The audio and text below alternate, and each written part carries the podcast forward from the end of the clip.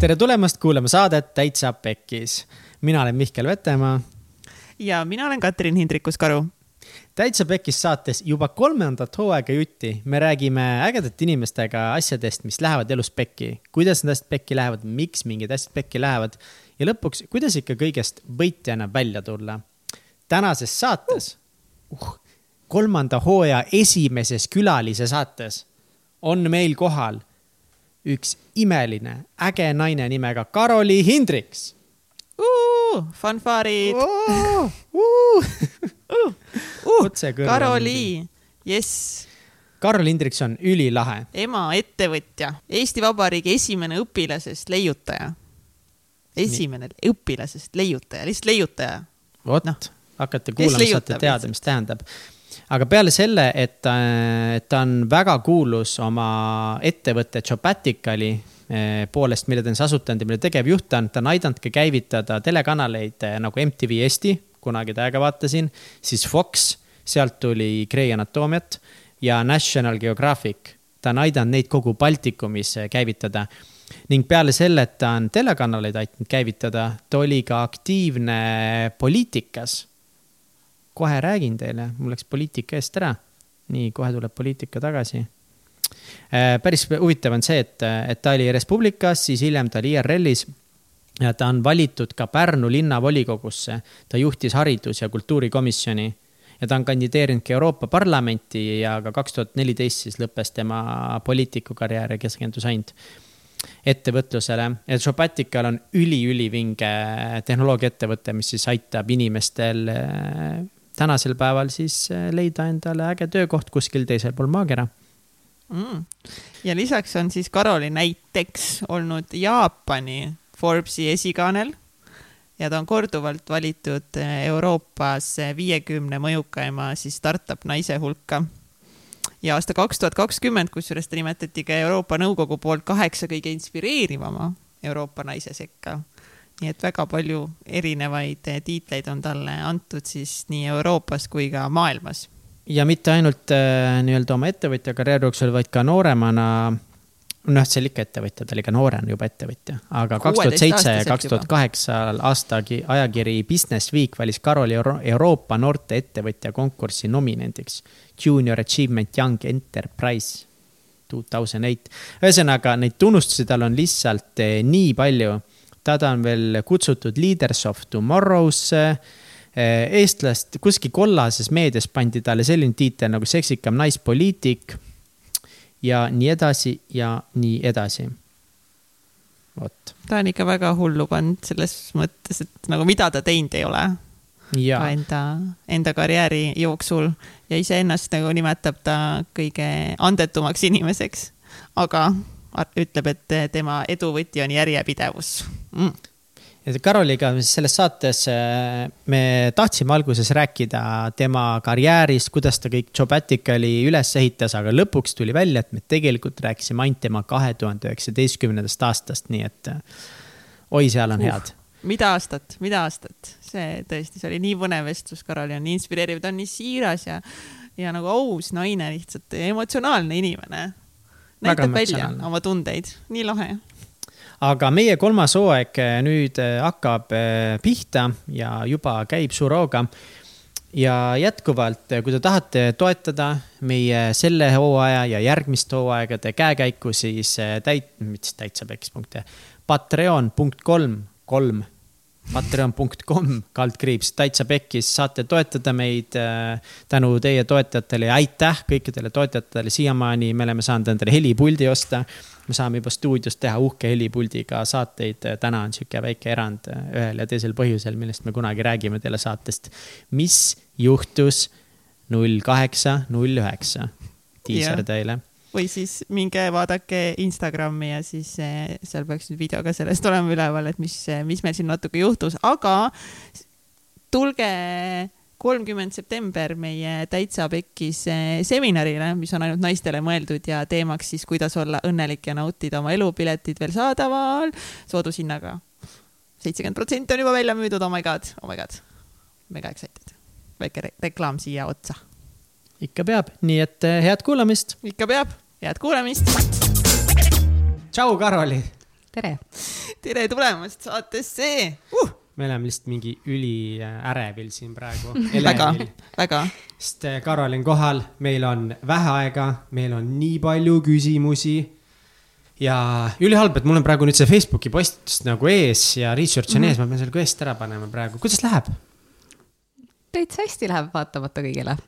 et ütleme nii, et äh, kuidas ma olen mõelnud, et äh, viimane aasta on olnud nii värvikas ja nii tegelikult keeruline, aga kui sa oled natukene või noh, tegelikult ütleme natukene päris palju õppinud tööd tegema endaga, siis vaata ja siis lähevad kuidagi need keerulised asjad kergemaks oi, keerulised asjad lähevad kergemaks, mul on üks keeruline asi nagu sinu puhul.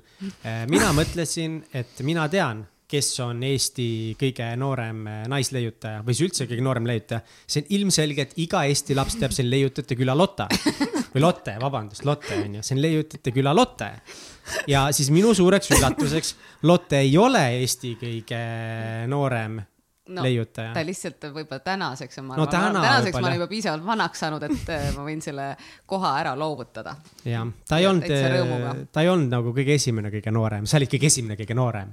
mida tähendab leiutaja juriidilises kontekstis mm? -hmm. leiutaja selles mõttes, noh, mis minul, kogu see minu lugu oli tegelikult üsna selline äh, kokkusattumused ja juhuslikkus on ju, et kuidas ma leiutajaks sain ja kuidas, ma ei tea, kas me hakkame seda ka lahkama äh,. me vist isegi ei jõua väga ei pikalt seda täna lahata, sest aga, nagu aga... see kaks tuhat üheksateist ma räägin et see leiutaja, selles mõttes mina kaitsesin oma idee ära, esimese idee on mul tegelikult neid äh, leiutisi oli pärast veel, et kasuliku mudeliga, ehk siis see oli nagu selline olemasoleva, äh, nii et helkurid olid olemas juba, aga mina leidsin siis võimaluse teha mingites materjalides, mida siis kasutati Äh, spordiriiete peale, nii et äh, nendest teha siis lahedaid noortehelkureid ja siis ma tuli välja, et see on unikaalne idee ja ma kaitsesin selle ära kasuliku mudeliga ja siis ma tuligi välja, et ma olen Eesti esimene õpilasest leiutaja Eesti Vabariigis siis ja, ja siis nii see edasi läks. see tähendab siis Patendiametis? patendiametis ja, ja. et, et nagu no, ikka kohe täiesti ametlik täitsa, see, see oli ka naljakas lugu, sest et ega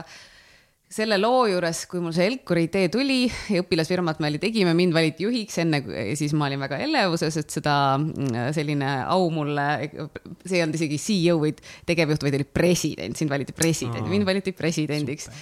ja siis ma olin nii äh, õnnelik selle üle ja siis me, me mõtlesime mõtlesime ja mul tuli äh, tuli siis hiljem peale kooli juba see äh, idee, kui ma läksin isale seda rääkima emale siis isa ütles, et äh, see on nii äge mõte, mine Patendiametisse, siis ma esimest korda kuulsin, et on olemas selline asi nagu Patendiamet. oota, vana sa olid siis? kuusteist. kuusteist. ega ja, ja siis äh,, aga ma olin väga rõõmus muidugi, et mu isale mu idee meeldis äh, ja ta oleks võinud, ma arvan, et sellest saigi tegelikult minu elutee nagu nii-öelda trajektoor, et kui mu isa oleks öelnud, et see on äh, mine õpi ja unusta ära äh,, tobe idee, siis ma arvan, et me ei istuks siin praegu, et selles mm -hmm. mõttes on hästi oluline, mida me oma noortele inimestele ütleme aga kui ma läksin Patendiametisse seda uuringut tegema, siis ma olin vist arvatavasti esimene noor inimene, kes üldse sealt uksest sisse äh, oli astunud, nii et ka nemad olid väga elevuses et, et mul isegi see esimene uuring tehtigi tasuta ära, sellepärast ma isegi teadnud, pärast sain teada, et selle eest oleks pidanud maksma, aga nemad olid ka elevuses. et noor inimene midagi välja mõtles, tuligi välja, et mul on see idee originaalne ja vot, et siis selle, kuna sellega mul tekkis lihtsalt see arusaamine, et issand, kui mina suudan midagi välja mõelda, mis muudab inimeste elu paremaks, siis mis, mis ma muud peaksin elus tegema, kui selle asju tegema, mis muudavad inimeste elu paremaks, et selles mõttes nagu see arusaamine, et sul ei olegi vaja mingit meeletut rahahunnikut ja sul ei ole vaja mingit doktorikraadi doktorikraad on väga hea, aga see, sul ei ole ilmtingimata seda vaja selleks, et midagi muuta. see ikkagi minu jaoks oli täiesti väga silmi avav. kas sa said mingi medali ka või on sul seina peal kuskil mingi aumärk tunnistus ja see tunnistuse isegi andis to toonane eh, majandusminister mulle üle Pärnus, see oli suur, meie pere jaoks oli see väga suur sündmus. ossa padrun mm, -hmm. on see alles sul ikka kuskil? see foto on mul alles jah. Ja see tunnistus, see on hea küsimus, kus mul see tunnistus on. kusagil ta on, aga foto on küll, seda ma alles hiljuti vaatasin nostalgiliselt. ülilahe ja nüüd on äh, põhimõtteliselt kakskümmend aastat hiljem. kakskümmend aastat ettevõtlust teinud ja, ja miks ma ütlesin ka saate alguses, me oleme elevil, on see, et äh, väga raske on nagu kokku võtta või ei saagi kokku võtta ja ei jõuagi alati. No kõigest rääkida, mida sa kahekümne aastaga teinud oled, et, et nagu ongi poliitika, noh, nii palju ettevõtlust, eks ole, esinemist, koolitamist mõnes mõttes, et noh, sa oled üle maailma käinud erinevate asjadega rääkimas. Et see on nagu täiesti crazy, aga ikkagi kõige rohkem nagu kui me sinuga kokku saime ka, siis ütlesid, sul on huvitav postitus kaks tuhat üheksateistkümnest, kuidas nagu asjad võivad pekki minna ühe aastaga ja siis seal viimane nagu rida on see, et kakskümmend, kakskümmend, et mingi ootan sind umbes. Karoli kutsus sellega kõik kakskümmend, kakskümmend siia. irooniliselt muidugi olen nüüd seda, seda, ma tõesti olin väga lootusrikas, et see aasta tuleb palju helgem selles suhtes oli universum itsitas kuskil üleval samal ajal, nii et. aga kui sa nüüd võrdled, no kakskümmend kakskümmend ei ole veel läbi, aga kakskümmend kakskümmend versus kaks tuhat üheksateist, kumb siis ikkagist on olnud väljakutsuvam aasta? selles mõttes, et meil on poole peal, aga selles mõttes eelmine aasta oli ikkagi, et, et ma arvan, et mida ma oma meeskonnale kogu aeg ka meelde tuletan ja kogu läbi selle ütleme, et olla nagu eh, immigratsiooni ümberasumise siis platvormi äh, tegevjuht, kes nagu tegelikult tegi ülisuure otsuse eelmisel aastal pöörata see ettevõte ümber. Ja siis me noh, tõesti kõik me liikusime kiirelt, kõik oli vinge, kasvud, kõik noh, selles mõttes, et kõik oli, et me tegime, see oli raske, me tegime ära ja nüüd läheme. Ja siis tuleb nagu pannakse piirid kinni et selles mõttes, et, et noh, et see oli nagu nii suur ka ikkagi nagu raputus uuesti, et ma kogu aeg meelde tuletan oma tiimile, et meil on väga tugev äh, muutuste muskel ja, ja selles oh, mõttes jah. ma arvan, et ma pean ütlema, mingil hetkel ma isegi oma selle, mul on äh, selline coach või nõus, nõustaja New Yorgis, et on äh,, kes, kes mind hästi palju aidanud viimaste aastate jooksul ka ennast nagu nii-öelda ongi see minu töö endaga äh, inimesena kui ka juhi, juhina, siis ma temale ütlesin aprillis, et ma tean, et ma praegu peaksin täiesti nagu otsi andma, noh, paanikas, paanikas olema, aga mul on nagu. Bring it on et okei okay,, no lähme. kas siit võib põhimõtteliselt nagu välja lugeda, et tegelikult iga inimene nagu seistes piisavalt palju vastu väljakutsetel, väljakutsetel ja mitte kunagi alla anda, et siis lõpuks, kui need uued jamad tulevad, siis sa suudad nagu palju rahulikumalt neid vastu võtta. ma arvan, et see ongi see, et see on ühtepidi sa nagu harjudki, et muutus on normaalne, me ei kontrolli mitte midagi. ma arvan, et see on tegelikult, see on hästi hea õppetund praegu kogu maailmale, et me ei kontrolligi mitte midagi. me saame teha mingeid valikuid, eh, vahest õigeid, vahest valesid, aga me ei saa paaniliselt püüda maailma kontrollida, sest me ei kontrolli mitte midagi. kas, eh, kas see Karoli kümme aastat tagasi handle'iks ära näiteks praegu kaks tuhat kakskümmend? ma just, eh, ma olen mõelnud just selle kogu viimase aasta peale, mitte ainult see pandeemia ja, ja ma olengi kuidagi niimoodi kokku võtnud, et ma arvan, et et ma, mul oli kogu see raske aasta oli minu jaoks tunduvalt kergem tänu sellele tööle, mis ma olen enda sees ära teinud. Äh, et ma inimesena olen nagu ikkagi kordades tugevam. Äh, ja tänu sellele on kõik see tundub palju kergem, seal ma arvan, ma oleks olnud kummuli kümme aastat tagasi ikka väga ammu juba. et selles mõttes on hästi huvitav aga lähme Jobatica algusesse korraks mm, -hmm. et ähm, noh äh,, tehnoloogiamaailmas, startup'i maailmas, ettevõtjad mm, ülipaljud kõik teavad, mis on Jobaticel ja kes mm oled ka sina. Aga võib-olla kõik mm noored inimesed ja kes ei tööta suurtes mm rahvales, rahvusvahelistes mm -hmm. ettevõtetes, ei tea, mis asi Jobatical on. Mm. mis asi see alguses oli? räägimegi sellest ja võib-olla see algus, kus mul üldse see nii-öelda äh, nagu visioon äh, alguse sai ja miks ta sai alguse ja mis minu nagu ja kus me nüüd oleme, et mul on, ma käin siis kiiresti selle rännaku äh, läbi, et tegelikult mul oligi see, et enne Geobaticali ma ehitasin telekanaleid, et tõin nagu Foxid ja National Geographicut, äh, Baltikumi ja siis ma otsustasin, et ma lähen sellest telemaailmast välja ja siis oli täpselt see aeg, kus ma ise otsisin natukene, et mis on see järgmine, mis on nagu see päris see suur asi, mida ma nüüd tahaks, noh, tahaks nüüd seda maailma edasi muuta, aga millega ma nüüd seda täpselt muutma hakkan, onju.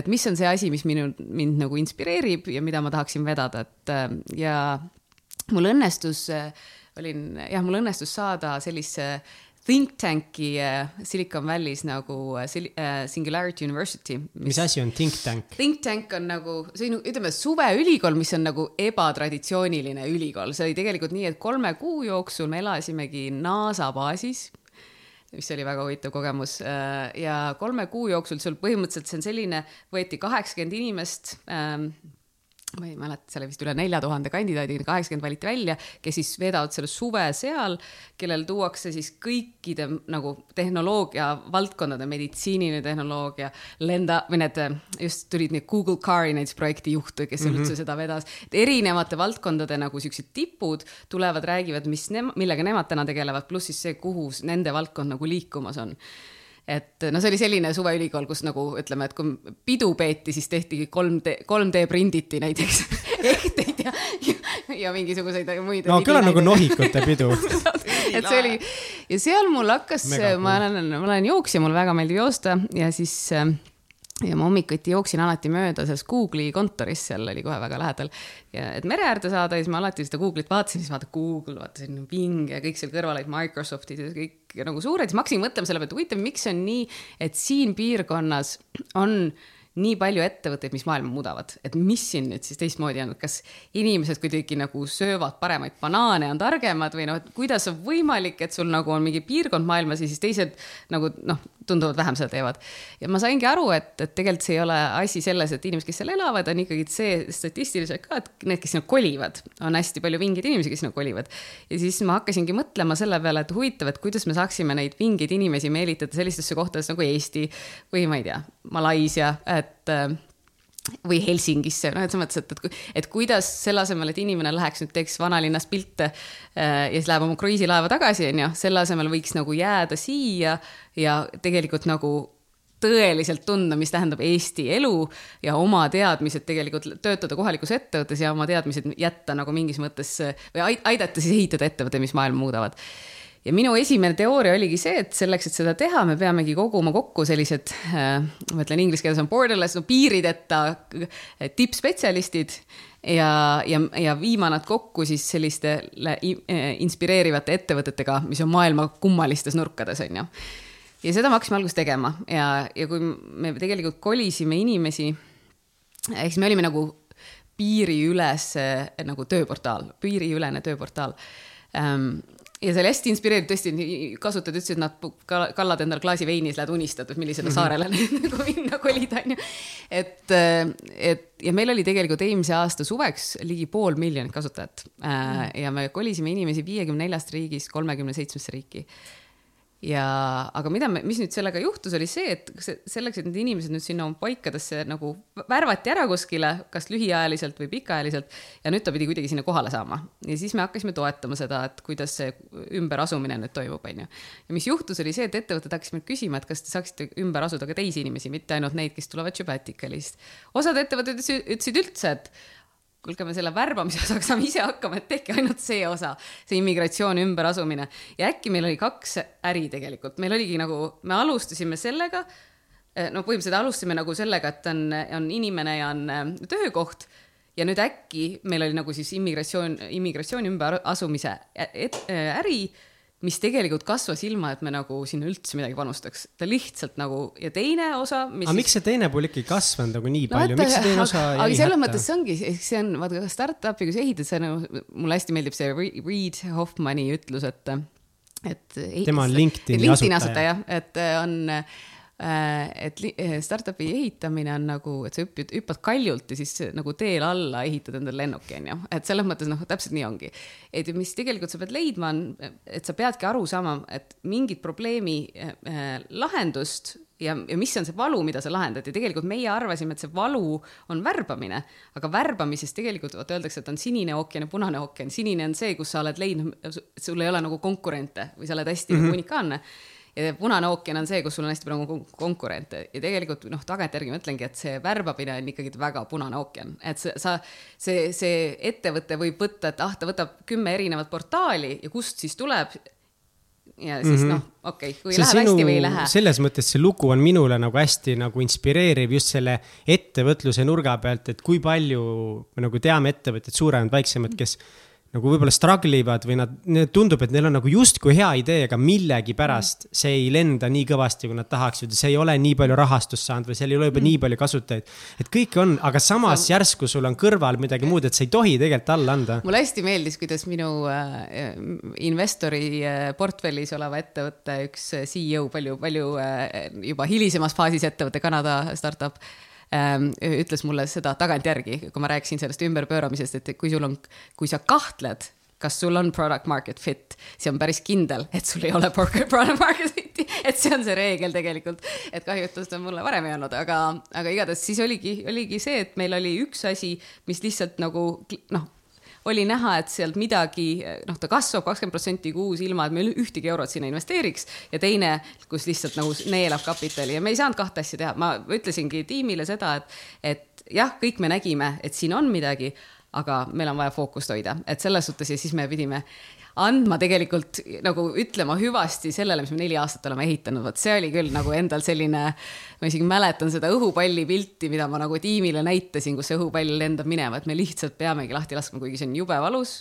ja need kasutajatele saata nagu ligi pool miljonit inimest, no kujutate, mis see vastukaja seal oli, et nemad ka ju armastasid meid ja kõik.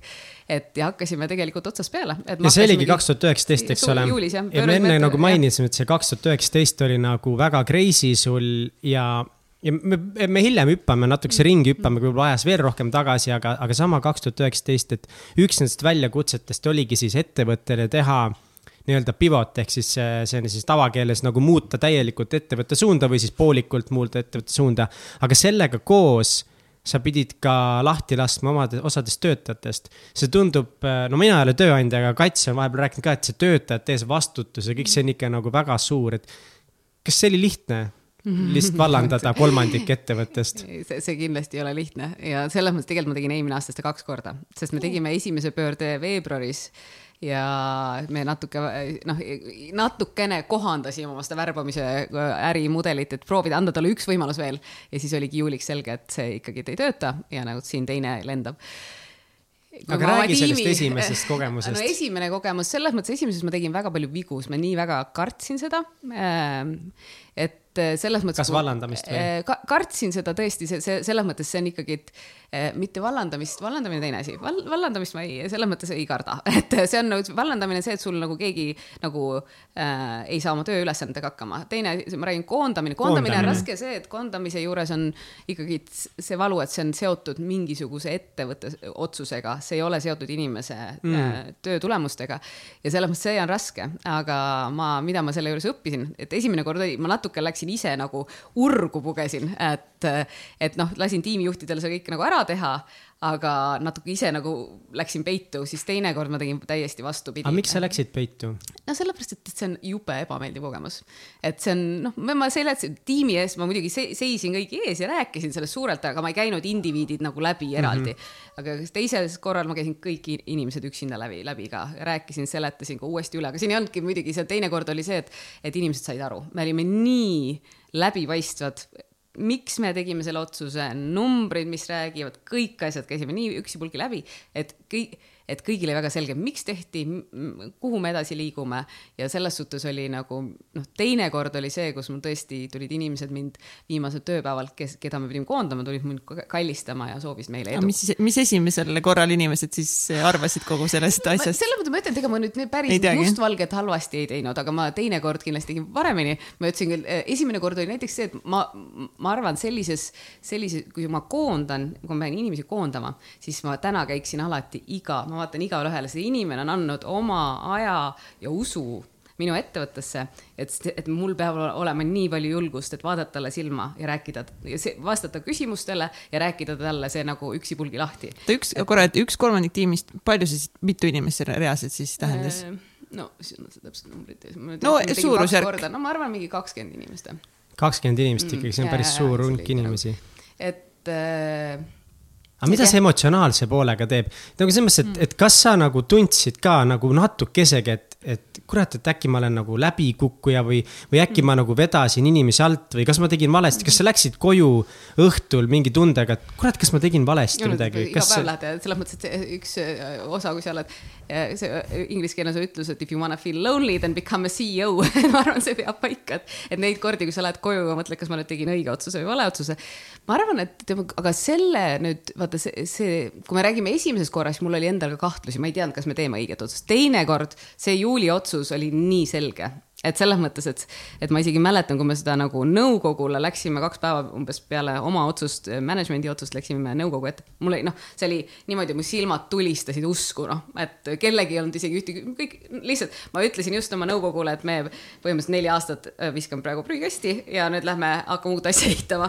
Ja, ja ütlesid, et super, kõike tundub väga selge, lähme edasi et aga esimene kord, kui ma olin, siis ma ise ka kahtlesin, vaata, ja see nagu tuleb kõikidest nendest sammudest välja, siis on, tekib jälle palju rohkem neid küsimusi, aga miks mind praegu koondati ja miks ja siis ta veel ei seleta ka, ei vaata silma ka. et selles mõttes äh, jah, et esimene ja ma, aga ma ütlesin oma tiimile muidugi eelmise aasta juulis, et ma loodan, et ma seda rohkem harjutama ei pea ja siis kohe natukese aega hiljem uuesti. ei no ei, ei, ei, ma mõtlen juulis, juulis ja, ja teist, teisel no, korral. aga kolm on kohtuseadus, nii et. ärme nagu hakka. ei, ei, ei, läheb nagu hästi. aga sa oled öelnud, et, et sa nutad tihti. kas ja. see oli üks nendest kordadest, mis pani sind ka nutma, et see, et, et mm. olla ettevõttega selles kohas, kus sa pead muutma teed ja, ja loobuma headest inimestest? Ma arvan, et ma kindlasti nutsin, tead ma selles mõttes mul nagu see, et ma lähen autorooli ja sõidan kusagile, kuulan muusikat ja nutan, on nagu täitsa tavapärane. ma võin, või siis see, kui ma pean kõnet ja tiimi ees ja siis räägin midagi, mis mind ennast liigutab ja siis mu pisarad jooksevad, see on, nad on ka sellega harjunud. et see on, nutmine on mulle nii minu osa, et ma ausalt öeldes ei mäleta täpselt, et seal, et see ei olnud nagu nii selline asi, et seekord ma siis nutsin, see on nagu. et see ei olnud kuidagi eriskummaline jah? see käib mul asja juurde. aga veel ikka nagu räägi rääkida just sellest ikka, et no mis on need raskused ja mm. kettud, sest me siin saates ikka räägime, et kui raske, eks ole, on. kui raske ettevõtja on. ja, ja siis ähm, üks äh, nii-öelda kindlasti väga raske või, ja ka suur ja ka silma avav hetk sinu ettevõtlus. ei, sa võid selle klaasiga lüüa vastu lauda okay., ei juhtu midagi. see on, meil on enam-vähem normimikrid juba äh, üks hetk oli see, kui sa tegid oma ettevõttes küsitluse mm. ehk mm. siis äh, millise inimesega on kõige raskem koostööd mm -hmm. teha, seal võib olla ka muid küsimusi. aga lühidalt, äh, miks sa üldse sihukese küsitluse tegid ja mis mm -hmm. küsitlus see oli? jah, see oli minu jaoks hästi õpetlik aeg, sest et kui ma nüüd ma korraks võta, annan nagu tausta ka sellest mm, -hmm. et, et ma olen olnudki vaata kuueteist aastat ettevõtja, ma olen hästi palju selline üksinda vedaja olnud ja see on nagu selline võlu ja valu ähm, ja mida ma ei saanudki aru, et kui isegi kui ma olin nagu meeskonnad värvanud, siis ma ikkagi tegutsesin üksinda. Et, et see ja mis tegelikult ja siis oligi jah, tol hetkel oli mul, ma olen hästi tänulik kuidagi inimesed, kes on minu ümber, kes, keda ma olen värvanud ja on hästi palju õpetanud ja tol hetkel oli meil tegelikult juhtis nagu meie personalijuht nii-öelda oli äh, endine Google'i oligi, ta oli Google'is äh, värbaja olnud personali äh, Evernote'is ja selles mõttes tohutult nagu kogenud inimene ja ta tuligi aastaks meile Eestisse ähm,. ja tema õpetas mulle hästi palju, tema oligi see, kes äh, me tol hetkel olime veel väike tiim, ma arvan kümme-viisteist inimest kuskil sealkandis. et ei olnud enam see, kes nagu ühe laua, väikse laua ümber mahub, aga ei olnud ka nagu päris suur. ja siis tema tegi selliseid nagu temperatuuri mõõtmise nagu service'id, et noh, et kvartalis korra ta uurib ja siis mingid küsimused ja kuidas ta siis inimestel laseb nagu. kuidas ettevõttes ja, nagu on nagu äh, õhkkond? õhkkond on ähm, ma võin öelda, et täna meil nagu ei ole vaja selliseid asju väga teha, sellepärast et nüüd inimesed, nüüd see õhkkond on hoopis teine, et inimesed saavadki kõigest rääkida.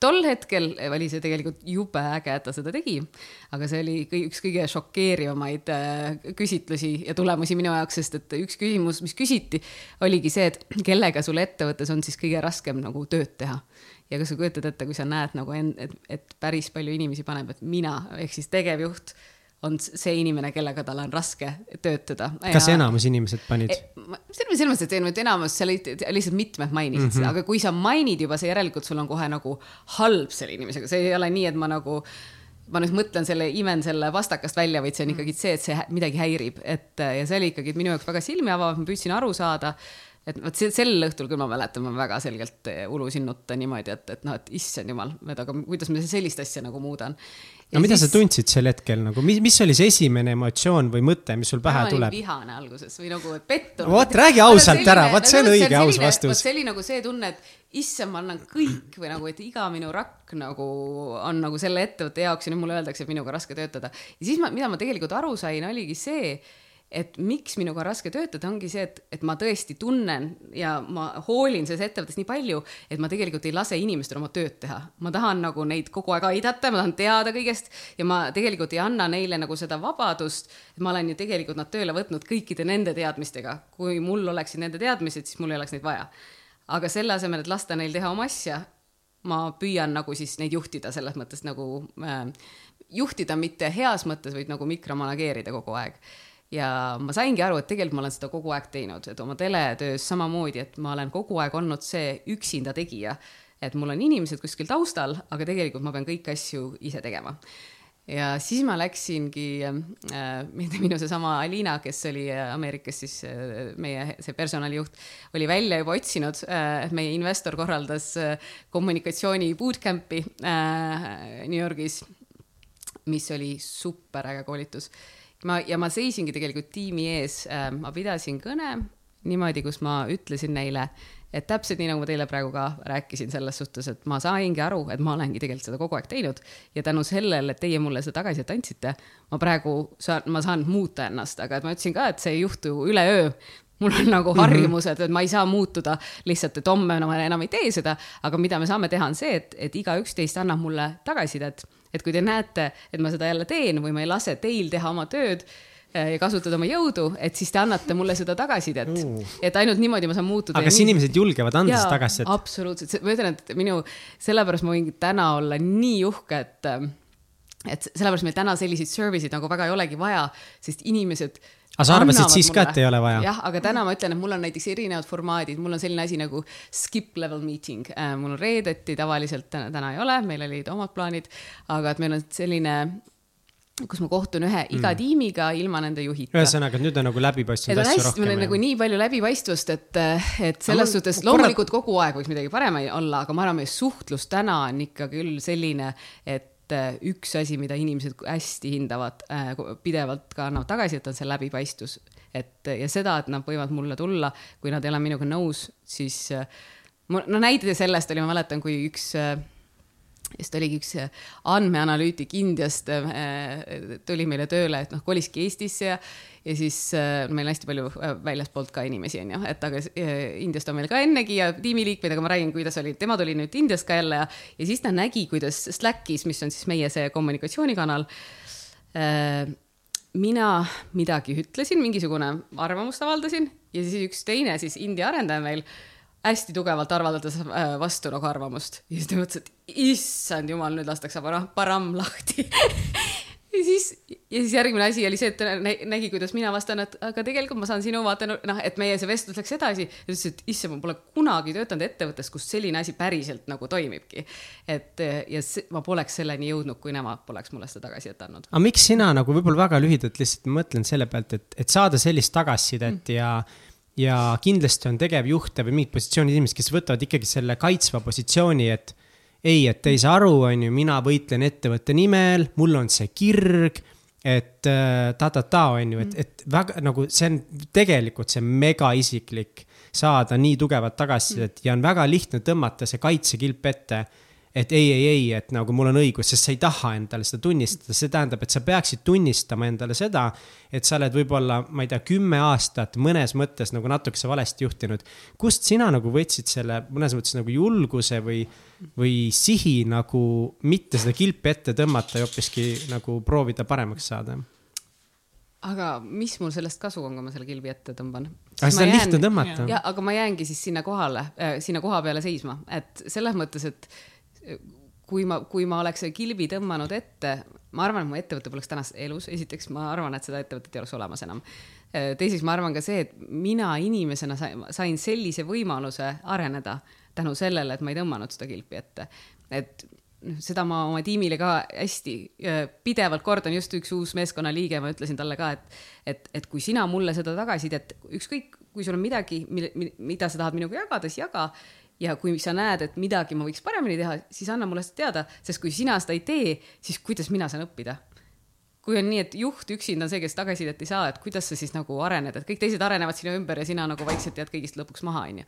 et, et see, see oli nii suur võimalus mul tegelikult ennast parandada ja, ja ma absoluutselt tänulik olen, ma sain seda teha. aga mis, kas seda õpetatigi seal, kus sa seal kommunikatsioonikoolitusel käisid mm, -hmm. mis sa, mis sa, mis sa veel sealt konkreetselt nagu õppisid ja mida sa hakkasid rakendama? no seal oli väga palju selliseid, see oli sihuke kahepäevane hästi intensiivne koolitus, aga näiteks kasvõi noh, igasugust tagasiside andmine.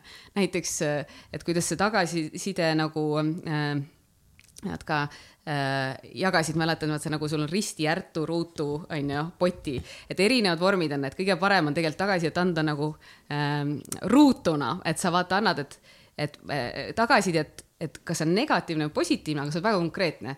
mulle ei meeldinud su esitus sellepärast, mul on tunne, et see, kuidas sa esindasid, esitasid neid andmeid, võis tõlgenduda näiteks valesti. aga kui ma ütlen sulle lihtsalt, et see oli nõme esitlus, siis, siis sa nüüd mõtled, et aga mis ma siis järgmine kord teisiti pean tegema. või siis ma ütlen, et sul oli suurepärane esitlus, see on jube lahe, et sa ütled seda aga jällegi, mis ma siis, mida ma siis järgmine kord kordan, et sellised väiksed asjad, kuidas sa saad nagu üldse tagasiside teha selliseks, et see inimest aitab.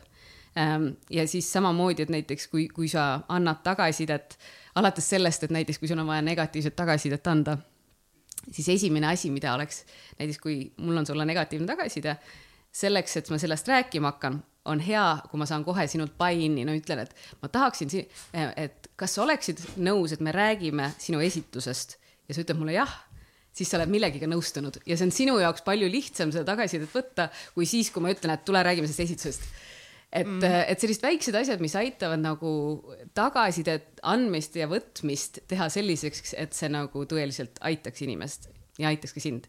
lahtised küsimused, kinnised küsimused ja nii edasi aga kas sa seda, korraks veel selle teemal, see on võib-olla kasulik päris paljudele, et ka seda klassikalist võileiba või sandwich'i meetodit ei tee või mis sa arvad sellest? ma ei ole väga sandwich'i meetodi. see tähendab seda, et sa ütled midagi head, siis annad selle negatiivse asjani, siis lõpetad hea asjaga. ma ei ole sandwich'i fänn üldse, sellepärast et mis, mis, siis on, see on, see on nii kunstlik et pigem on Aha. see, et ma annan sulle negatiivset tagasisidet selliselt, et see on nagu sulle kasulik. Ähm, et aga see, et ma nagu kunstlikult panen sinna midagi nüüd ilustamiseks juurde, mul, minu arust võtab sedasama, ma hästi hindan sellist äh, äh, läbipaistvust ja ausust, et see võtab selle äh, nagu aususe sealt kõrvalt ära, minu arust. Okay.. aga see on minu arvamus, inimesi on okay. Kor. korra, ma, ma, ma juba, juba läheme nii, nii süvitsi, aga ikkagist ma tahaks väga teada, et okei okay,, et aga kuidas siis annate tagasiside, mingit negatiivset tagasisidet näiteks, oletame, et su kolleeg tegigi mingi esitluse ja noh, sa vaatad, et no see ei läinud üldse nagu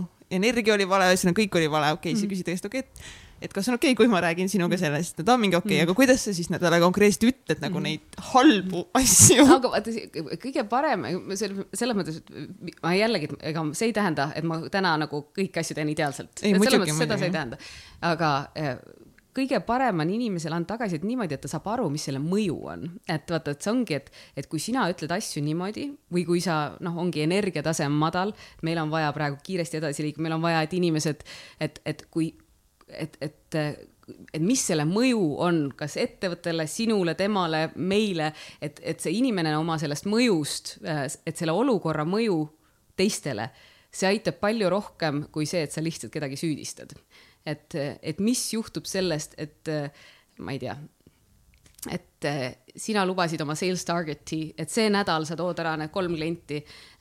nüüd sa tõid ühe, mis see tähendab nagu ettevõtteks, mis see tähendab nagu sellest, kuhu, kuhu me üldse liigume, et, et igatahes jah, ma püüan alati nagu leida selle, mis on. sa annad nagu tema... tausta natukese juurde, see on väga hea, ma saan mm -hmm. tegelikult sellest tõesti nagu hästi aru, et see on hea point, et isegi kui nagu mitte see, et kui keegi teeb niimoodi midagi valesti, tuleb tegemata, vaid ka, et kui sa saad tagasisidet anda, et mm, -hmm. et mhm. miks on võib-olla nii-öelda, miks on halb, kui ta näiteks kuidagi räägib ühteviisi või esitab fakte näiteks mm -hmm. kuidagi, et mhm. mis on selle tagamaa, kui ta mm -hmm. esitab fakte niimoodi, et neid saab mhm. mitmeti tõlgendada, okei ma ei ole niimoodi kunagi andnud tagasi. aga sa räägid nagu niimoodi, et noh, mina tunnen või mulle tundub või, või kuidas seda nagu atmosfääri nagu õigesti nagu luua. Äh, selles mõttes, et see jällegi sõltub kõik sellest mm. olukorrast onju, et aga üldiselt jah eh,, ikkagi, kui sa ju annad tagasisidet, siis sa annad nagu mitte ma jällegi usun ka seda äh,, üks, üks minu mentor ja guru on Patty McCord, et tema raamat, see Powerful on üks raamat, mida ma pidevalt üle vaatan ja tema oli hästi selle, et, et, et kui sa räägid äh, kui meie sinuga räägime äh, Mihklist, onju, et siis äh, ja sind ei ole siin siis sul ei ole võimalik ka kaasa rääkida, et alati tasub nagu ja ma püüan, see ei tule alati välja, aga et kui on nagu kellegist juttu, siis teeme nii, et kutsume tema ka siia, onju. et, et sest, et aga see ei tule alati välja, aga okay. ma seda püüan hästi nagu ka jälle vestlustes, et mhm. kas sa oled temaga rääkinud sellest, et kui sa tuled minu juurde rääkima, kas sa oled temaga seda, oled talle seda tagasisidet andnud. et, et sest, et just sellised asjad on need, mis tekitavad tegelikult organisatsioonis hästi palju sellist nad te tekitavad nagu, kuidas poliitikat selles mõttes nagu, et tekivad mingisugused klannid ja üks räägib ühest, teine teisest, aga mis see kokkuvõttes teeb, on see, et inimesed kasutavad oma ajumahtu valele asjale ja oma energiat ja ajumahtu hoopis nagu mitte tööle, vaid siis selle kõigele, mis on siin õhus, on ju. Et, et ma püüan nagu neid asju vältida, et inimesed saaksid keskenduda sellega, mis, sellele, mis on oluline, ehk siis nende töö, nad usuksid sellesse, neil oleks selge, kuhu me liigume ja, ja ma ei tea nüüd, ma, kas see nagu selgitas sinu küsimust, aga noh ma usun, et mingil määral küll, lihtsalt see kuidagi ongi see nagu see tagasiside andmine on minu nagu mm. ülikeeruline teema, siis ma tahaks kuskile mingi mm. ära pugeda mm. aga miks nagu, miks see on sinu jaoks keeruline, kas sa nagu tunned, et sa teed inimesele liiga või sa ei ole kindel oma tagasisides või iseendas? ma arvan, et mõlemat kõike, erinevates olukordades erinevaid tundeid et eh, ma ei tea, see kõik on kuidagi keeruline. aga no mõtle, aga mõtle selle õppimisvõimaluse peale jälle, et selles mõttes, et iga selline tagasiside, iga inimene tahab olla hea selles, mis nad teevad ja selles mõttes, et mm. kui sa ei anna talle tagasisidet, tul ei olegi võimalik õppida. et selles suhtes on, mina püüan nagu selliselt vaadata, et kui praegu tal on see nõrkus või mingi asi, mingi asi, mida ta teeb niimoodi, et võiks paremini teha, siis mina annan talle võimaluse seda paremini teha, onju. see on hea point, see on väga hea, aitäh I love it. no nii, Mihkel, kiiret, nüüd kiiret, järgmine teema, Mihkel. ma, ma, ma, ma lähen jälle kõrvale hoopiski, lihtsalt fun fact, eh, me saime sinuga kokku, eks ole mm ja sa rääkisid seal sellest raamatust meile Powerful, eks ole, see on see Netflixi. ma ei mäleta, et ma rääkisin. samal päeval jõudis meile koju üks raamat, mille me tellinud. selle eesti keele nimi on Jõud ja see on punast värvi ja, ja selle inglise keele nimi on Powerful. see oli lihtsalt, see oli nii huvitav, et nagu täpselt nagu sinuga kohtusime, Jenile täpselt oli saja listis mm. sinuga kohtumise mm. -hmm nimi ja siis meil see raamat jõudis veel koju ja kõik nagu, kõik läks kokku. veel lool on veel naljakas selline, ma ei tea, kas seda lugema pole hakanud, sest mina olen selle mm. eessõna kirjutanud sinna, sest see oli ka maailma sihuke kokkulangevus, sest tegelikult Patty McCordiga me olime kogemata, esinesime Kanadas koos aga mina olin ta fänn ammu ennem, tema aitas Netflixi ehitada, tema oli nagu, oligi selle founder'i parem käsi seal. Ja, ja siis äh, me nagu kuidagi sattusime kokku ja olimegi ühel laval, mina esinesin äh, ära ja siis, tähendab tema esines ära, mina esinesin ära, siis meil oli koos paneel ja see oli veel esimene konverents, kuhu mul Maia kaasa tuli Kanadasse, et äh, istus viiesaja miljardi ettevõtte CEO kõrval. aga mis siis kokkuvõttes juhtus, oli see, et ja siis tema, keegi nägi Eestis teda nagu minuga ühel pildil siis paluti nagu kontakti võtta, kuna me temaga hästi läbi saime, siis äh, viidi kokku tema publisher'iga. lõppkokkuvõttes oli see, et täiesti eraldiseisvalt paluti mul, kuna ma värbamise maailmas tegutsesin, tema eessõna, raamatule eessõna kirjutada ja juhuslikult ka läbi siis selle Facebooki pildi äh, oli ta tegelikult eelmisel aastal Eestis esinemas. Nii et ta tuli Eestisse, et selles mõttes vaata nagu sihuke mm -hmm. kokkuvõttes nagu maailm on väike. Kats, mul on küsimus sulle selle ettevõtlusteemal tegelikult, samas ma tahaks nagu korra puudutada seda no nii, no, funding'u round'i, kui neil oli kaks nädalat äh, aega leida rahastust, sest muidu nad oleks rahast tühjaks jooksnud mm. -hmm. ma nagu tahaks veits seda nagu kuulda, et ühesõnaga You closed the founding round two weeks before we, you uh, Jobatical siis ran out of money et. Äh, tahad nalja kuulda või? kuidas see nädal nagu siis välja nägi? kakskümmend kakskümmend tegime sama asja aga mida see nagu tähendab, nagu ma ei, ma ei ole ettevõtet kunagi juhtinud. ma arvan, see on selline asi, mida ma ei, see on, see on hästi raske koht, kus olla, selles mõttes see on, eh, vot teadmine, et sul on nagu selles mõttes, et sel aastal oli meil kõik väga hästi ja numbrid olid head, lihtsalt täpselt me olime close imas sel ajal, kui oli see, tuli see lockdown Mm -hmm. ja no siis kõik läksid pidurisse ja lõpuks me õnneks ikkagi close isime ja kõik läks hästi, aga siis oli ka täpselt, see oligi see koht, kus ma ütlesin, et ma peaksin olema väga suures paanikas praegu, aga ma ei, millegipärast ei ole. aga kaks tuhat üheksateist? aga kaks tuhat üheksateist oli ikkagi äh, no ütle nüüd oma küsimus uuesti. ühesõnaga kirjelda seda nädalat, mis siis juhtus ja, ja mida see tähendab, et et, et te lõpp, et te saite nagu mm. nagu rahastuse kaks nädalat põhimõtteliselt mm. enne seda, kui teil oleks raha otsa saanud, mida see tähendab, kas see tähendab sõna otseses mõttes, et pangakontol ei ole mm. raha enam? see tähendab seda, selles mõttes me hakkasime fundraise ima, ma tegelikult olin kuu aega Ameerikas, oligi see, kus ma olin Kanadas, Ameerikas, olid peale esinemist ma läksingi investor nii-öelda siuksele turneele, öeldakse äh, road trip'ile ähm, ja siis äh, ja ma olin üsna kindel, et ma, meie numbrid olid paremad ja kõik, et ma selle väga vingete VC-de kohtusin LA-s, New Yorgis, kõik vestlused, ma ei tea, kui palju ma neid vestluseid tegin, ma arvan, et neid kohtumisi oli ikka mingisugune nelikümmend, viiskümmend. nelikümne, viiekümne riskikapitali investoriga said siis kokku? ja, ja, ja ma olin täiesti kindel, et me selle close ime ja no ükski vestlus ei viinud ikkagi selleni, et ja nagu aeg läheb edasi, läheb edasi ja noh, selles mõttes siis oligi nagu noh, nüüd, nüüd ehk siis me tegime esimese otsuse, kus me natuke tegime ümber seda värbamismudelit, see oli siis see veebruar aga no sellepärast, et oli, äh, keegi nagu ei rahastanud teid ikkagi. no selles mõttes, no numbrid ikkagi, et ei olnud nagu seda, öeldakse hokistikki on vaja. ei olnud seda see suurt kasvupotentsiaali olnud... investorite silmis. ei, no ei näinud noh ja, ja siis äh,, aga noh, aga aeg läheb edasi, me ehitame ja ma olen täiesti kindel, mul on mingid vestlused, mis on juba nii kaugel, et nüüd ma ikkagi usun, me paneme selle lukku. Ja need lihtsalt venivad ja venivad ja, ja lõpuks ongi see koht, kus oli noh, ütleme, et siis oli, siis ma ikka väga palju ei maganud, et äh, eelmine aasta äh, sihuke veebruar-märts, ei, see oli nüüd juba, ma täpselt ei mäleta, mis kuus see oli, vist oli märtsikuus ikkagi, et kus äh, kus ma ikkagi töösiti vaatasin lage ja mõtlesin, et nagu kuidas me sellest praegu välja tuleme, sest et mul on mingisugune ligi viiskümmend inimest on minu palgal ja meil saab kohe raha otsa ja, ja mul ei ole see lukus ja üks asi on lukku saamine paberil, teine asi on see, et tuleb veel noh, lukus on lõpuks siis, kui sul see ülekanne on nagu tehtud, on ju.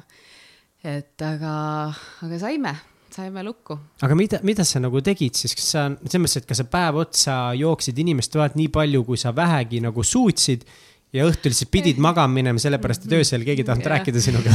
ei no selles mõttes, eks mul olid kohtumised, aga ega see ühelgi kohtumisel sa ei ütle, et sa sellises olukorras oled, selles mõttes, et see nagu sa oled ikka noh, see, need vestlused teed sa selliselt, et sa oled nagu maailma kõige seksikam ettevõte, et noh, mingil hetkel, kui teevad ette, siis ongi mingil hetkel investori teeb juba siukest due diligence'i, küll nad siis juba näevad seda, mis see päris seis on ja kui nad on huvitatud, siis nad ikkagi nagu liituvad, onju.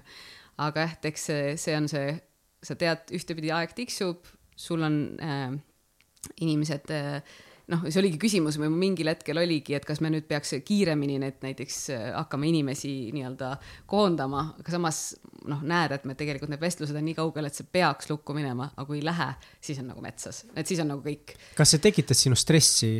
muidugi tekitas stressi mis sa arvad väga hea, ma tahtsin kuulda seda. et sa oled nagu stressis ja sa magad vähe kuidas sa jõuad üldse nendele miitingutele minna ja mängida seda enesekindlat, säravat, nagu sa mm. alati tundud olevat?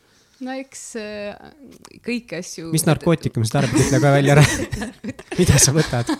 aga ma, ma ütlen tänasel, vot aasta tagasi ma ei olnud veel nii, täna mul on hästi tugevad rutiinid, selles mõttes, et äh, näiteks äh, noh selleks, et minu vaimne tervis äh, oleks korras, on mul näiteks hommikurutiinid hästi tugevad. ma mediteerin, ma käin jooksmas, ma teen äh, mingi siukse jõutreeningu, käin vannis, joon oma matša teed ja siis võib hakata, et ühtegi kõnet ma hommikusse ei võta, ühtegi kohtumist, keegi tahab mind intervjuule kutsuda kell seitse hommikul, siis täna ma neid ei võta.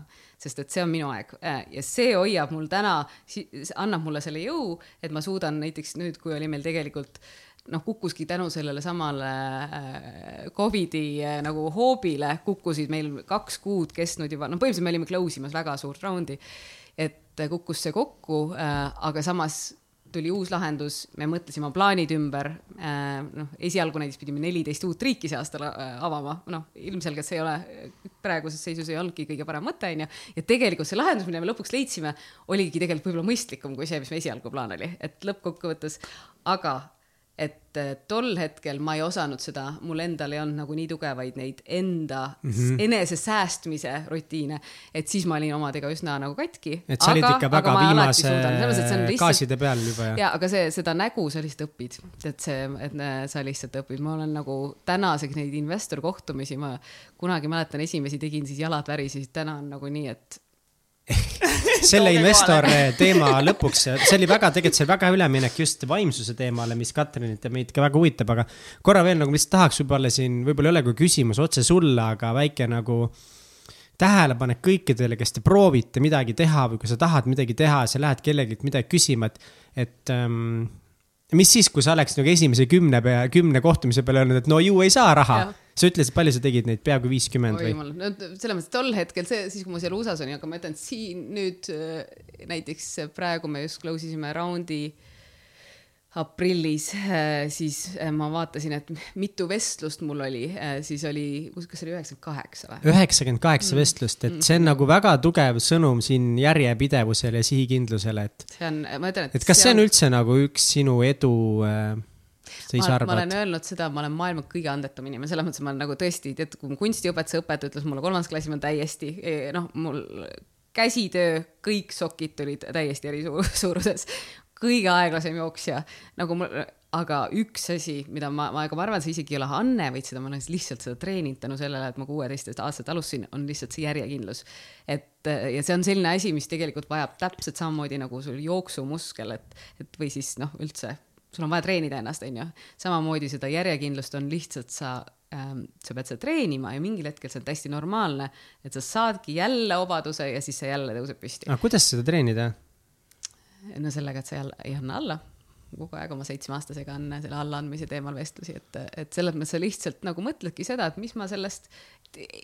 mingil hetkel ma ütlesin endale, see oli juba enne ammu Jubaticali, et ei on suurepärane võimalus, see on nagu, sul on nüüd võimalus seda ei ümber pöörata. Et, et sa lihtsalt nagu ei anna, ei anna alla. kui sa ise usud sellesse, siis sa ei anna alla.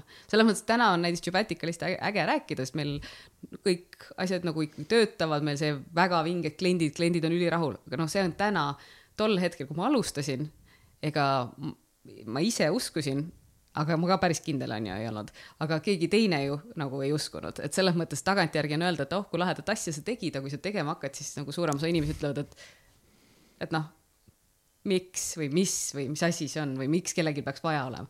et see lihtsalt see, ma arvan, et sealt tulebki see järjekindlus on nagu kõige olulisem asi ettevõtluses. ja nagu sa ütlesid, sa veel omakorda peale selle, et sa oled järjepidev, siis sa veel ujusid selles punases ookeanis ka mm. -hmm. mis teeb asja nagu eriti keerulisemaks, aga kas lähme vaimsuse peale või hoopiski meedia peale? Oot, võtame, kuna me hakkasime siin juba nendest eh, harjumustest rääkima, siis korra sinu, kui Karoli list nüüd see kaks tuhat üheksateist eh, vastu, vastu võtta, vaadata, siis punkt eh, viis on siis Karolil kirjas siin selliselt, tsiteerin. In order to keep my sanity and become a better human, I started to, to do bi-weekly sessions with a Buddhist monk who studied as a monk with the Dalai Lama for 12 years. I met him uh, while fasting for a week in Thailand starting those sessions again was one of the best decisions of my life. ehk siis number üks mm. küsimus kus sa said selle, selle Buda munga endale niimoodi ja mis asju te siis hakkasite mm. nüüd koos tegema? Äh, jah, ma, mul, ma üldiselt teen iga aasta nagu paastumist ja siis viimased aastad ma olen käinud Tais ühes keskuses, mis on ülivinge jälle, keegi tahab sellist, tavaliselt minnakse Tais sööma, mina lähen, lähen nälgima et aga, aga ja kui ma seal eelmine aasta olin, tegin oma nädalast paastu, siis, siis oli seal üks väga vinge õpetaja, oligi äh, üks munk, kes õpetas mediteerimist. Ja siis temaga sai ka nagu rääkida ja mul see rääkimine nii väga meeldis, ma küsisin ta käest, et kas ta videoteel on ka nõus rääkima minuga. ja mida ta tegelikult, temast saigi minu õpetaja. Ja tema ka, ma ütlen, et seesama töö endaga, et tema on olnud mulle tohutult äh,, see, see, mida ta on õpetanud, ma pean nagu kokku võtta, on see, et, et tegelikult äh, inimestena hästi palju meie probleeme algabki sellest, et äh, esiteks me ei saa üldse, vaata emotsioonid on natuke nagu kosk, vaata, mis tuleb sul pähe selle asemel, et sa nagu oled seal kose all ja vaatad, kuidas ta nagu tuleb ja vaatab üks, üks emotsioon, teine emotsioon, kust ta tuleb ja mis ta teeb, et sa nagu suudad seda jälgida. et see tegelikult on see, mida mediteerimine, mediteerimine õpetab, ongi see, et sa vaatad, hmm, vaat mul on praegu see tunne, miks mul see tunne on ja mis see minuga nüüd teeb, et sa hakkad nagu ennast hoopis teistmoodi jälgima, ehk siis ta õpetab nagu neid emotsioone ja kõike seda.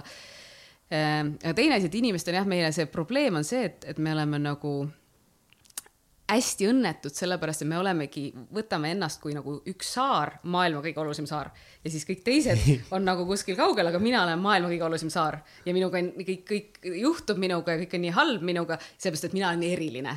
ja kui tegelikult vaata, mida need noh, selline, mida tema mulle õpetanud ja mida siis tegelikult ongi see budismi, ma saan aru, selline äh, nagu teekond, et sa jõuad selleni, et sa oledki maailma osa et sa oledki, et sa mingis mõttes õpid armastama kõiki teisi sama palju, kui sa armastad ennast. ja, ja no ma ei ütle, et ma seal veel olen teen tööd veel, aga lihtsalt see vabastab nii tohutult, kui sa saadki aru, et ma ei olegi maailma kõige olulisem, ma olengi kõige maailmaga seotud ja, ja, ja see on jah, igastahes tema on mind hästi palju aidanud eh, endast paremini aru saada ja samamoodi luua siis kogu seda noh, läbi selle meditatsiooni nagu oma oma siis oma selle teadvusega nagu äh, tööd teha. kas see teeb nagu ka sinu mõtteviisi või no ütleme niimoodi, et kui mida ma küsida, on see, et, et äh, nii-öelda kasvõi sama kaheksakümmend üheksa ei-d nii-öelda või noh, see ei olnud võib-olla mm. konkreetselt kaheksakümmend üheksa ei-d, aga kõik need ei-d asjadest mm. läbiminemine, see nõuab mentaalset vastupidavust. kas selline mediteerimine, selline suhtumine ka treenib mentaalset vastupidavust?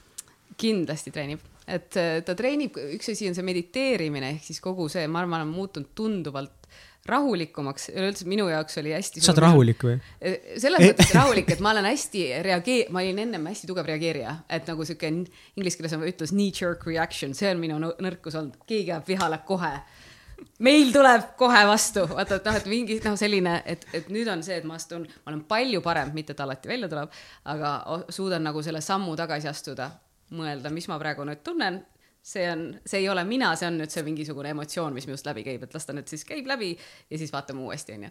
et, äh, et see on üks asi ja teine asi võib-olla lihtsalt nagu suhestuda inimestega teisiti ja üldse nagu võib-olla mingis mõttes universumiga, et, äh, et mi-, näiteks see hommikusessioon, kus ma mediteerin, ma ikka väga palju nagu äh,, nagu lasen äh,, nagu avan ennast selleks, et kõik, mis tuleb, tegelikult õpetab mind, et, et selles suhtes see nagu on ja see on jällegi, et see kontrolli mingis mõttes äraandmine, et, et isegi kui läheb midagi, kõik läheb halvasti, siis midagi on praegu mind õpetamas. et, et mulle, minu munk alati, mulle meeldib see ütlus, mida ma ka tiimiga olen palju jaganud, et what an opportunity this problem is. et, et see nagu jah, on kuidagi õpetanud nägema asju teises valguses ja kas te temaga siis äh, teetegi videokõne, te lihtsalt äh, räägite mm. erinevatest mm -hmm. budismitõdedest, mingi maailma asjadest no, või teete mingeid harjutusi ei, ka? me teeme harjutusi ka, me mediteerime koos, see on alati hästi äh, tore, me iga sessioon mediteerime koos, aga see on tavaliselt sessiooni lõpus, aga enne seda tavaliselt me võtame, kas mul on endal mingi teema, mida ma olen mõtisklenud.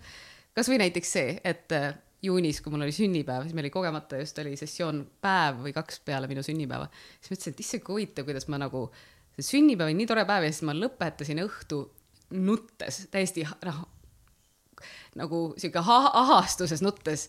ja siis ta nagu ütleski nii hästi, et vot see tegelikult ongi see, et, et miks inimestele sünnipäevad nii rasked, ongi seesama asi, et, et, et, et sel päeval oled sa veel eriti tähtis enda jaoks, et sa oled nagu maailma kõige mm. tähtsam. see tähelepanu, see e ootused endale, maailmale, et see äkki nüüd ongi see, et sa oled kõik need nagu nii, nüüd sa oled nagu see kõige äge, ägedam saar, onju ja siis sinu ootused lähevad nii kõrgeks, et sa ja siis, et sa ei suudagi seda kanda ja siis sa lõpuks nagu kukud kokku, et hästi paljud, ta ütles, et hästi paljud inimesed nutavad sünnipäeval.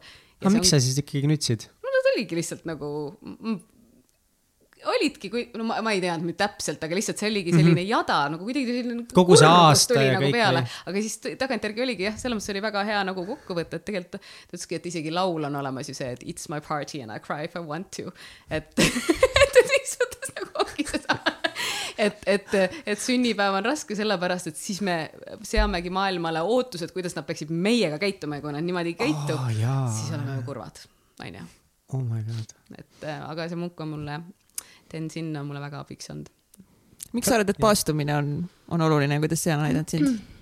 paastumine mul, see on selline asi jah, et äh, tead, see tunne, eriti nüüd, kui ma, ma ennem olin ainult kolmepäevase paastu teinud ja tegelikult nüüd ma olen teadlik või nagu nüüd ma teangi, et kolm päeva on kõige raskem sest et äh, paastumine äh, on selline asi, mis sul no põhiliselt ta teeb restardi su kehal, onju, ja organitel kõik nagu käib selline nagu mingis mõttes restart. Ja, ja kui sa sealt, kui ma sealt ära tulen, siis reaalselt selline tunne, mu nahk kiirgab, et sa oled lihtsalt nagu, oled nii puhas ja sa oled nii, no see energiatase, sa päriselt ka nagu kiirgad. mäletan, sinna lennujaama läksin ja ja vaatasin tei-, nagu inimesi, kes tulevadki siin tavaliselt Tai, vaata nagu söömis, joomis nagu, siis mõtledki, et ma nagu reaalselt tunnen nagu selline aura enda ümber, et, et see lihtsalt mõjub nii hästi. et iga inimene, vaata, tal on omad asjad, minule mõjub see hästi ja sellepärast ma seda teen, et, et. kuidas sa nagu esimest, kuidas sa leidsid paastumise enda jaoks ja?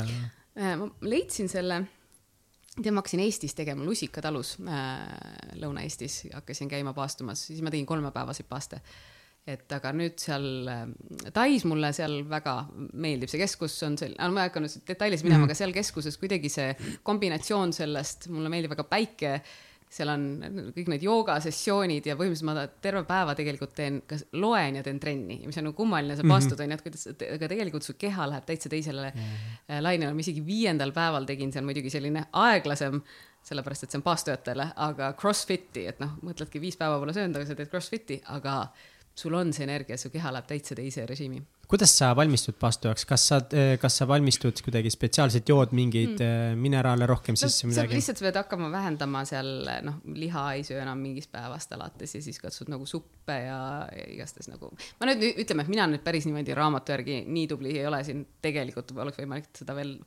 seal äh, paremini teha, aga ma tavaliselt võtangi nagu need lihatoidud äh, ära ja, ja siis hakkan rohkem nagu taimset asja sööma ja, ja siis niimoodi ma valmistan ette. pärast väljatulek on võib-olla isegi veel olulisem mm. -hmm. et seal on see, et sa ei tohi hakata nüüd, tuled välja, lähed, võtad hamburgeri kohe ja ma pean ütlema muidugi seda, et kui me seal ka nüüd kaks korda ma olen nädal aega teinud seal äh, ja siis see, see salat, mis on siis see viimase päeva, sul tuuakse salat, tead, ma arvan, et mul pole elus midagi nii hästi maitsenud, see on lihtsalt see sa lihtsalt, sul tuleb pisar silma salatilehte närides, et et, et sa lihtsalt tunned maitset ja selline nagu oliivõli ja need kõik, see on nii uskumatult hea ja kas sellel on nagu mingi äh, kõige raskem kogemus ka kolmepäevasega, ma olen ise, ma pikka aega tahtnud mm. paastuda, ma olen teinud kahepäevast kõige rohkem, mis ma ei tea, kas see on isegi mingi asi, aga.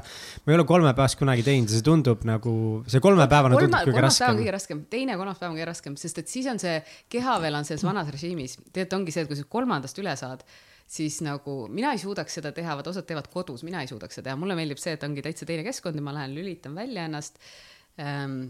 aga jah, kolmas päev ja siis tuleb nagu täitsa selline uus tunne mm. -hmm. et äh,. vinge, väga lahe mm. -hmm soovitan kõikidel vaastumise kohta lugeda ja mõelda, kas see midagi neile mm. -hmm. aga sa pead ise sisemiselt tundma yeah., mina lihtsalt tundsin, et mul on nagu otsus. ma siis... usun seda teadust lihtsalt mm -hmm. väga, mis selle kohta yeah. nagu keerleb palju. jah, ma usun ka, sest et see tunne on tõesti väga hea. Davai, Mihkel uh,. võta punkt seitse või? võtan punkt seitsme ja või oot, kas, ai jah, ja lähme punkt seitsme peale. aga tead, ei, ma tahtsin korra küsida, kui pikalt te mediteerite muidu nende sessioonide ajal? temaga sessioonide ajal teeme viisteist minutit, et me nelikümmend viis minutit yeah. teeme nagu mingit juttu ja siis viisteist minutit medite mediteerime aga eh, kui sa ise hommikuti mediteerid? ma teen ka üldiselt, vahest ma teen pikemalt, aga mm -hmm. üldiselt ma teen ka viisteist minutit. aga kas sa teed mingit palju... juhitud meditatsiooni, teed sa mingit transcendentialit, kuidas? mul on erinevad meditatsioonid, mida ma teen, eh, mida ma küll enam ei tee peale seda, kui ma mungaga hakkasin äh, koostööd, ennem mul olid igast gadget'id ja mul oli siuke gadget, mis ajulaineid mõõdab ja siis ütleb, kui hästi sa mediteerisid pärast, et kui palju sul fookust, ja siis sulle mingi muusikalaineid tuli kõrv, noh, kõrvaklappidest yeah., ta ütles, et et, et selles mõttes meditatsiooni on igast asjad, mis võivad sind rahustada. aga meditatsioon see ei ole, et meditatsioon on see, et oled sina, sinu mõtted ja nagu see, selles mõttes, sinu, sinu teadvus äh, ja, ja, ja mitte nagu see, et sa kuulad mingisugust äh, lainekohinat, et siis see on lihtsalt sihuke rahustav elamus, aga see ei ole meditatsioon. ehk siis äh, mm., aga muidu mul on erinevad, oleneb ka sellest, mis, mis ma täpselt, mis, mis tujus ma olen mis tunded mul on, et siis ta ongi õpetanud nagu mulle erinevaid meditatsioonivorme, siis ma nagu valin, mida ma täna teen, mida ma ei tee. seitsmes punkt on üks äh, väga veider punkt. Uh, I became a trolling object uh, and the antichrist of the far right fake news site mm. at the antichrist. The volume of nastiness and threats I received the past year is horrifying. I reported to the police when my daughter was dragged into it The number of orcs and uh, the goblins that we have among us is horrifying. mis juhtus, ma ei tea sellest mitte mm. midagi mm. oi jah, sellega on, äh, ma väga pikalt sellest ei tahaks rääkida, aga sellega mul oli väga negatiivne kogemus, et ma kirjutasin ühe artikli äh,, kirjutasin ühe artikli Maalehte äh,, mis oli Eesti äh, ja vihkamise kohta, mis mm -hmm. läks mhm. hästi viraalseks, selles mõttes oli see. Ah, sellega juhtuski pärast? see artikkel see artikkel tegelikult, kuidas mul selle artikli mõte tuli, et mul see kogu see teema, see probleem äh, on väga südamelähedane, selles ma tõesti usun, et Eesti on rikkam siis, kui me oleme sallivamad ja kui me oleme igasugust, iga Eesti inimese vastu head. ja siis mul, äh, kuna mul neljas detsember on mu isa surma-aastapäev, ma olin Londonis ja mõtlesin oma isa peale ja mõtlesin selle, mu isa kunagi, kui ta suri, siis ma pidasin talle, ta suri hästi ootamatult ja kuna ma olin temaga väga lähedane, siis ma pidasin temale nagu sellise, kirjutasin hüvastijätu kirja, mis oli minu kõne talle nii-öelda seal kirikus. ja siis, ja siis sellega seoses ma kirjutasin nagu uue kirja talle ja selle kirja ma siis avaldasingi Maalehes, et ma mõtlesin, et see aitab nagu ja sellega seoses äh, sellega seoses siis ma sain, ma ütlen, et see oli siis see esimene laviin, et kui see ilmus, siis ma sain ikkagi sellise laviini osaliseks, et ma tõesti, ma, isegi niimoodi ehmatasin ära, et ma tagantjärgi kahjuks ei teinud äh, väga, ma ei teinud screenshot'e nendest ütlustest, et ma ta, tagantjärgi sain aru, et tegelikult oleks võinud paljude asjadega sinna politseisse minna. aga, aga see, see oli lihtsalt selline äh, laviin ja no see kestis, kuna ma ka kõigi Eesti üks asutaja äh, olen ja siin igasugused muud asjad äh, selle ümber, et siis äh,, siis seda vihkamist, eks, eks et see oli nagu hästi kurb äh, läbielamine ja selles mõttes ta oli nii kaugele, kui, kui sinna veeti veel. No mida sulle konkreetselt siis öeldi? no ei nagu?, no siis selles mõttes, et inimesed ähvardasid ja. aga mi, mi, mi, mis nende point nagu oli, et kui jätta nagu lihtsalt roppus kõrvale, siis mis nagu nende sõnum oli? üks sõnum on see, et koli ära, kui sulle ei meeldi või et ja noh, selles mõttes, et kogu, kogu. Pole siia mingeid erinevaid ja, inimesi ja, vaja nojah, et selles mõttes ja eks, eks võib-olla, ma ütlen, ma ei tahagi sellest mm -hmm. liiga palju rääkida, sest see on, sest ma, ma ei usu sellesse, ma tõesti ei usu sellesse, ma ei usu sellesse, et äh, ma, ma ei taha seda julgustada ja ma usun, et me võiksime äh, siin Eestis kõik ikkagi nagu üksteist austada. et, äh, et aga see, kui veeti veel minu tütar sinna sisse, siis, siis nagu, siis ma läksin ikkagi politseisse ka, et minu tütre pildist oli tehtud ikkagi nagu päris õudne meem et siis selle, see läks nagu minu sellest mõõdupust üle, aga lihtsalt ma arvan, et meil on nagu seda äh, meie, meie selline internetihügieen on veel ikkagi suhteliselt, et inimeste nagu vastutustunne virtuaalselt äh, kindlasti vajab nagu äh, mingit äh, haridust nii-öelda või õpetamist, et, et tegelikult, kui sa lähed tänaval inimesele kallale või versus see, kui sa lähed talle äh, Äh, personaalselt äh, teda nagu äh, ahju soovit-, soovid talle ahju, ahju hüpata, onju, et siis see tegelikult nagu tähendab sama. et mm -hmm, selles mm -hmm. mõttes nagu ma lihtsalt ei, ma olin natukene nagu naiivne olnud, et ma ei, tõesti ei teadnud, et see nagu, see probleem meil nii suur on ja see aitas mul aru saada sellest. aga eks selle taga on ka palju, ma arvan äh, Äh, kurbust, et selles mõttes, et ongi, meil on ebavõrdsust, meil on seda, kui ma, kui ma ei eksi, siis Eestis on kõi, üks kõige suuremaid äh, poiste väljalangemisi äh, koolis nagu kogu Euroopas, et selles mõttes, et nüüd ma, ma, ma olen seda, ma ütlen, ma ei ole faktikontrolli teinud, aga nii sellist nagu ütlust ma olen kuulnud, et meil on hästi suur väljalangevus. Ja tegelikult, kui sa võtad selle väljalangevuse, siis on noored, kellel pole tulevikku ja siis tulebki selline nagu noh, et kuskilt see viha on alguse saanud.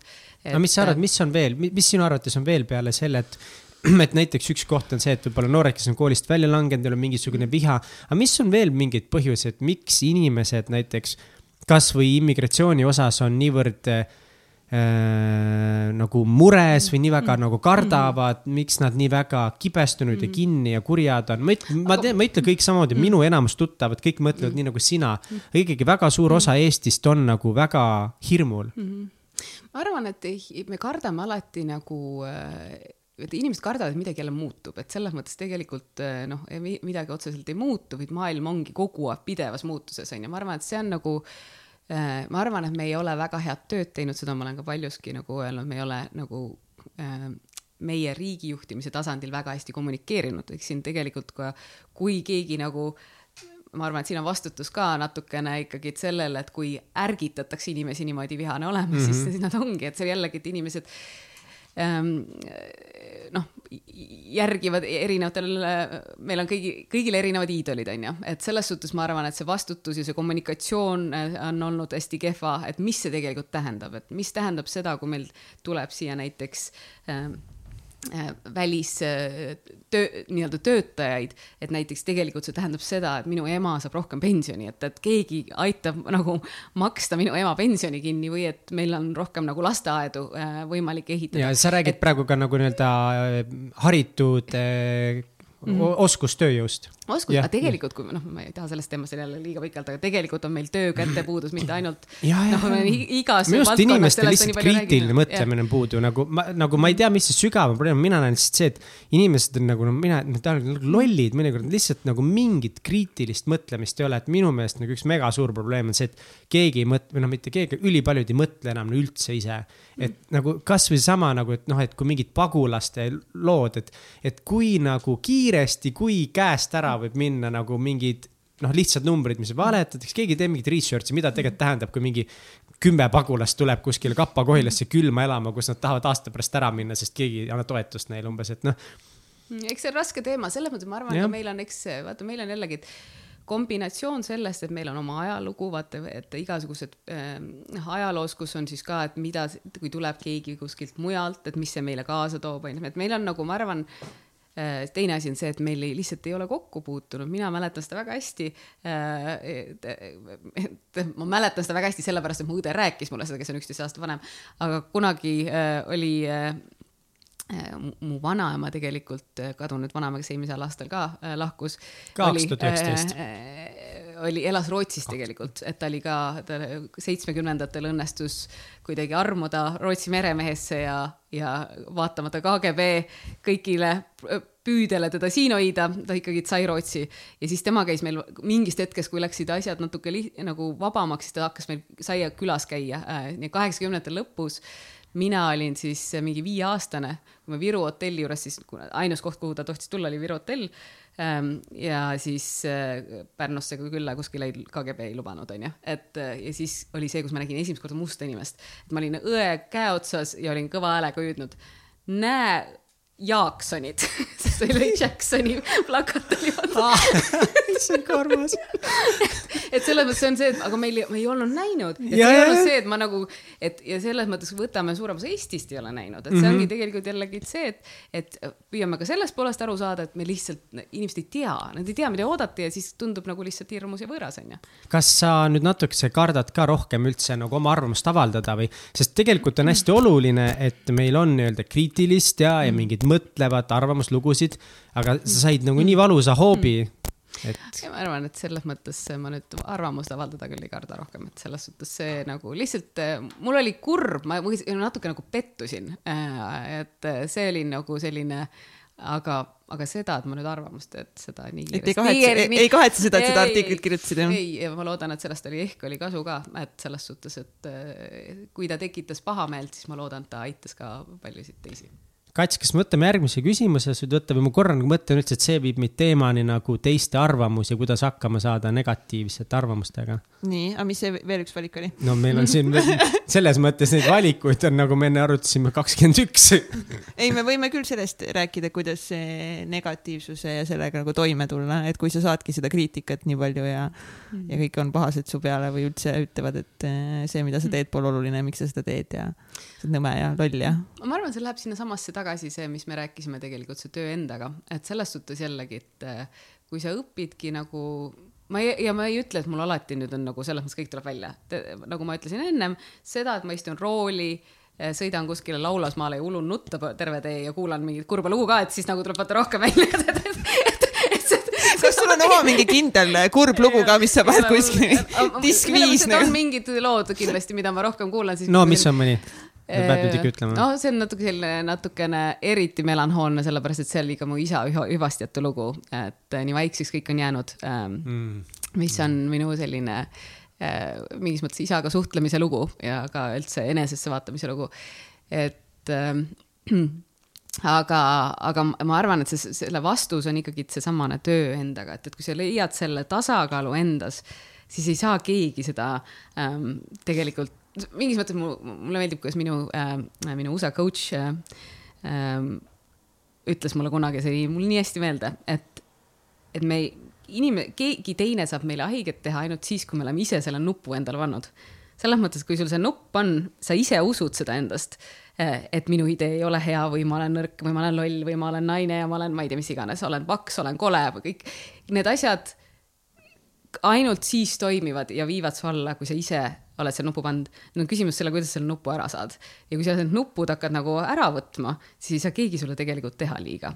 et äh, siis sa nagu võtadki seda, et noh, tuli midagi, onju oh,, huvitav ja kuidas ma nüüd sellele siis noh, et mis see mulle siis tähendab. ilmselgelt need asjad ei vasta tegelikult tõele, mida teised sinu kohta nagu ütlevad. ehk siis see on ainult, küsimus ongi, kui sa, kui, kui see läheb sulle hästi hinge, siis mina püüan hakata vaatama, et miks ta mulle hinge nüüd läks et eh, ehk siis mul on järelikult see nupp on minu küljes veel ja ma järelikult ise usun seda endast. Eh, ja see on siis ma pean selle kuidagi siis nagu ära saama, onju. uute asjade alustamisel, ma arvan, et see on nagu noh, see on er, miljonis erinevas eluvaldkonnas, aga näiteks kui keegi tahab alustada mingit uut asja, mingit uut ettevõtet või midagi proovida, esimest korda ettevõtlust proovida, siis kindlasti on see hirm läbikukkumise ees väga suur ja, ja ongi sealt ka see, et mida teised arvavad. esiteks, võib-olla see asi on kuidagi veider või uudne või keegi ei arva, tunduvad siin nagu mõistlik, nagu näiteks alguses seal Punases meres ujumine, eks ole.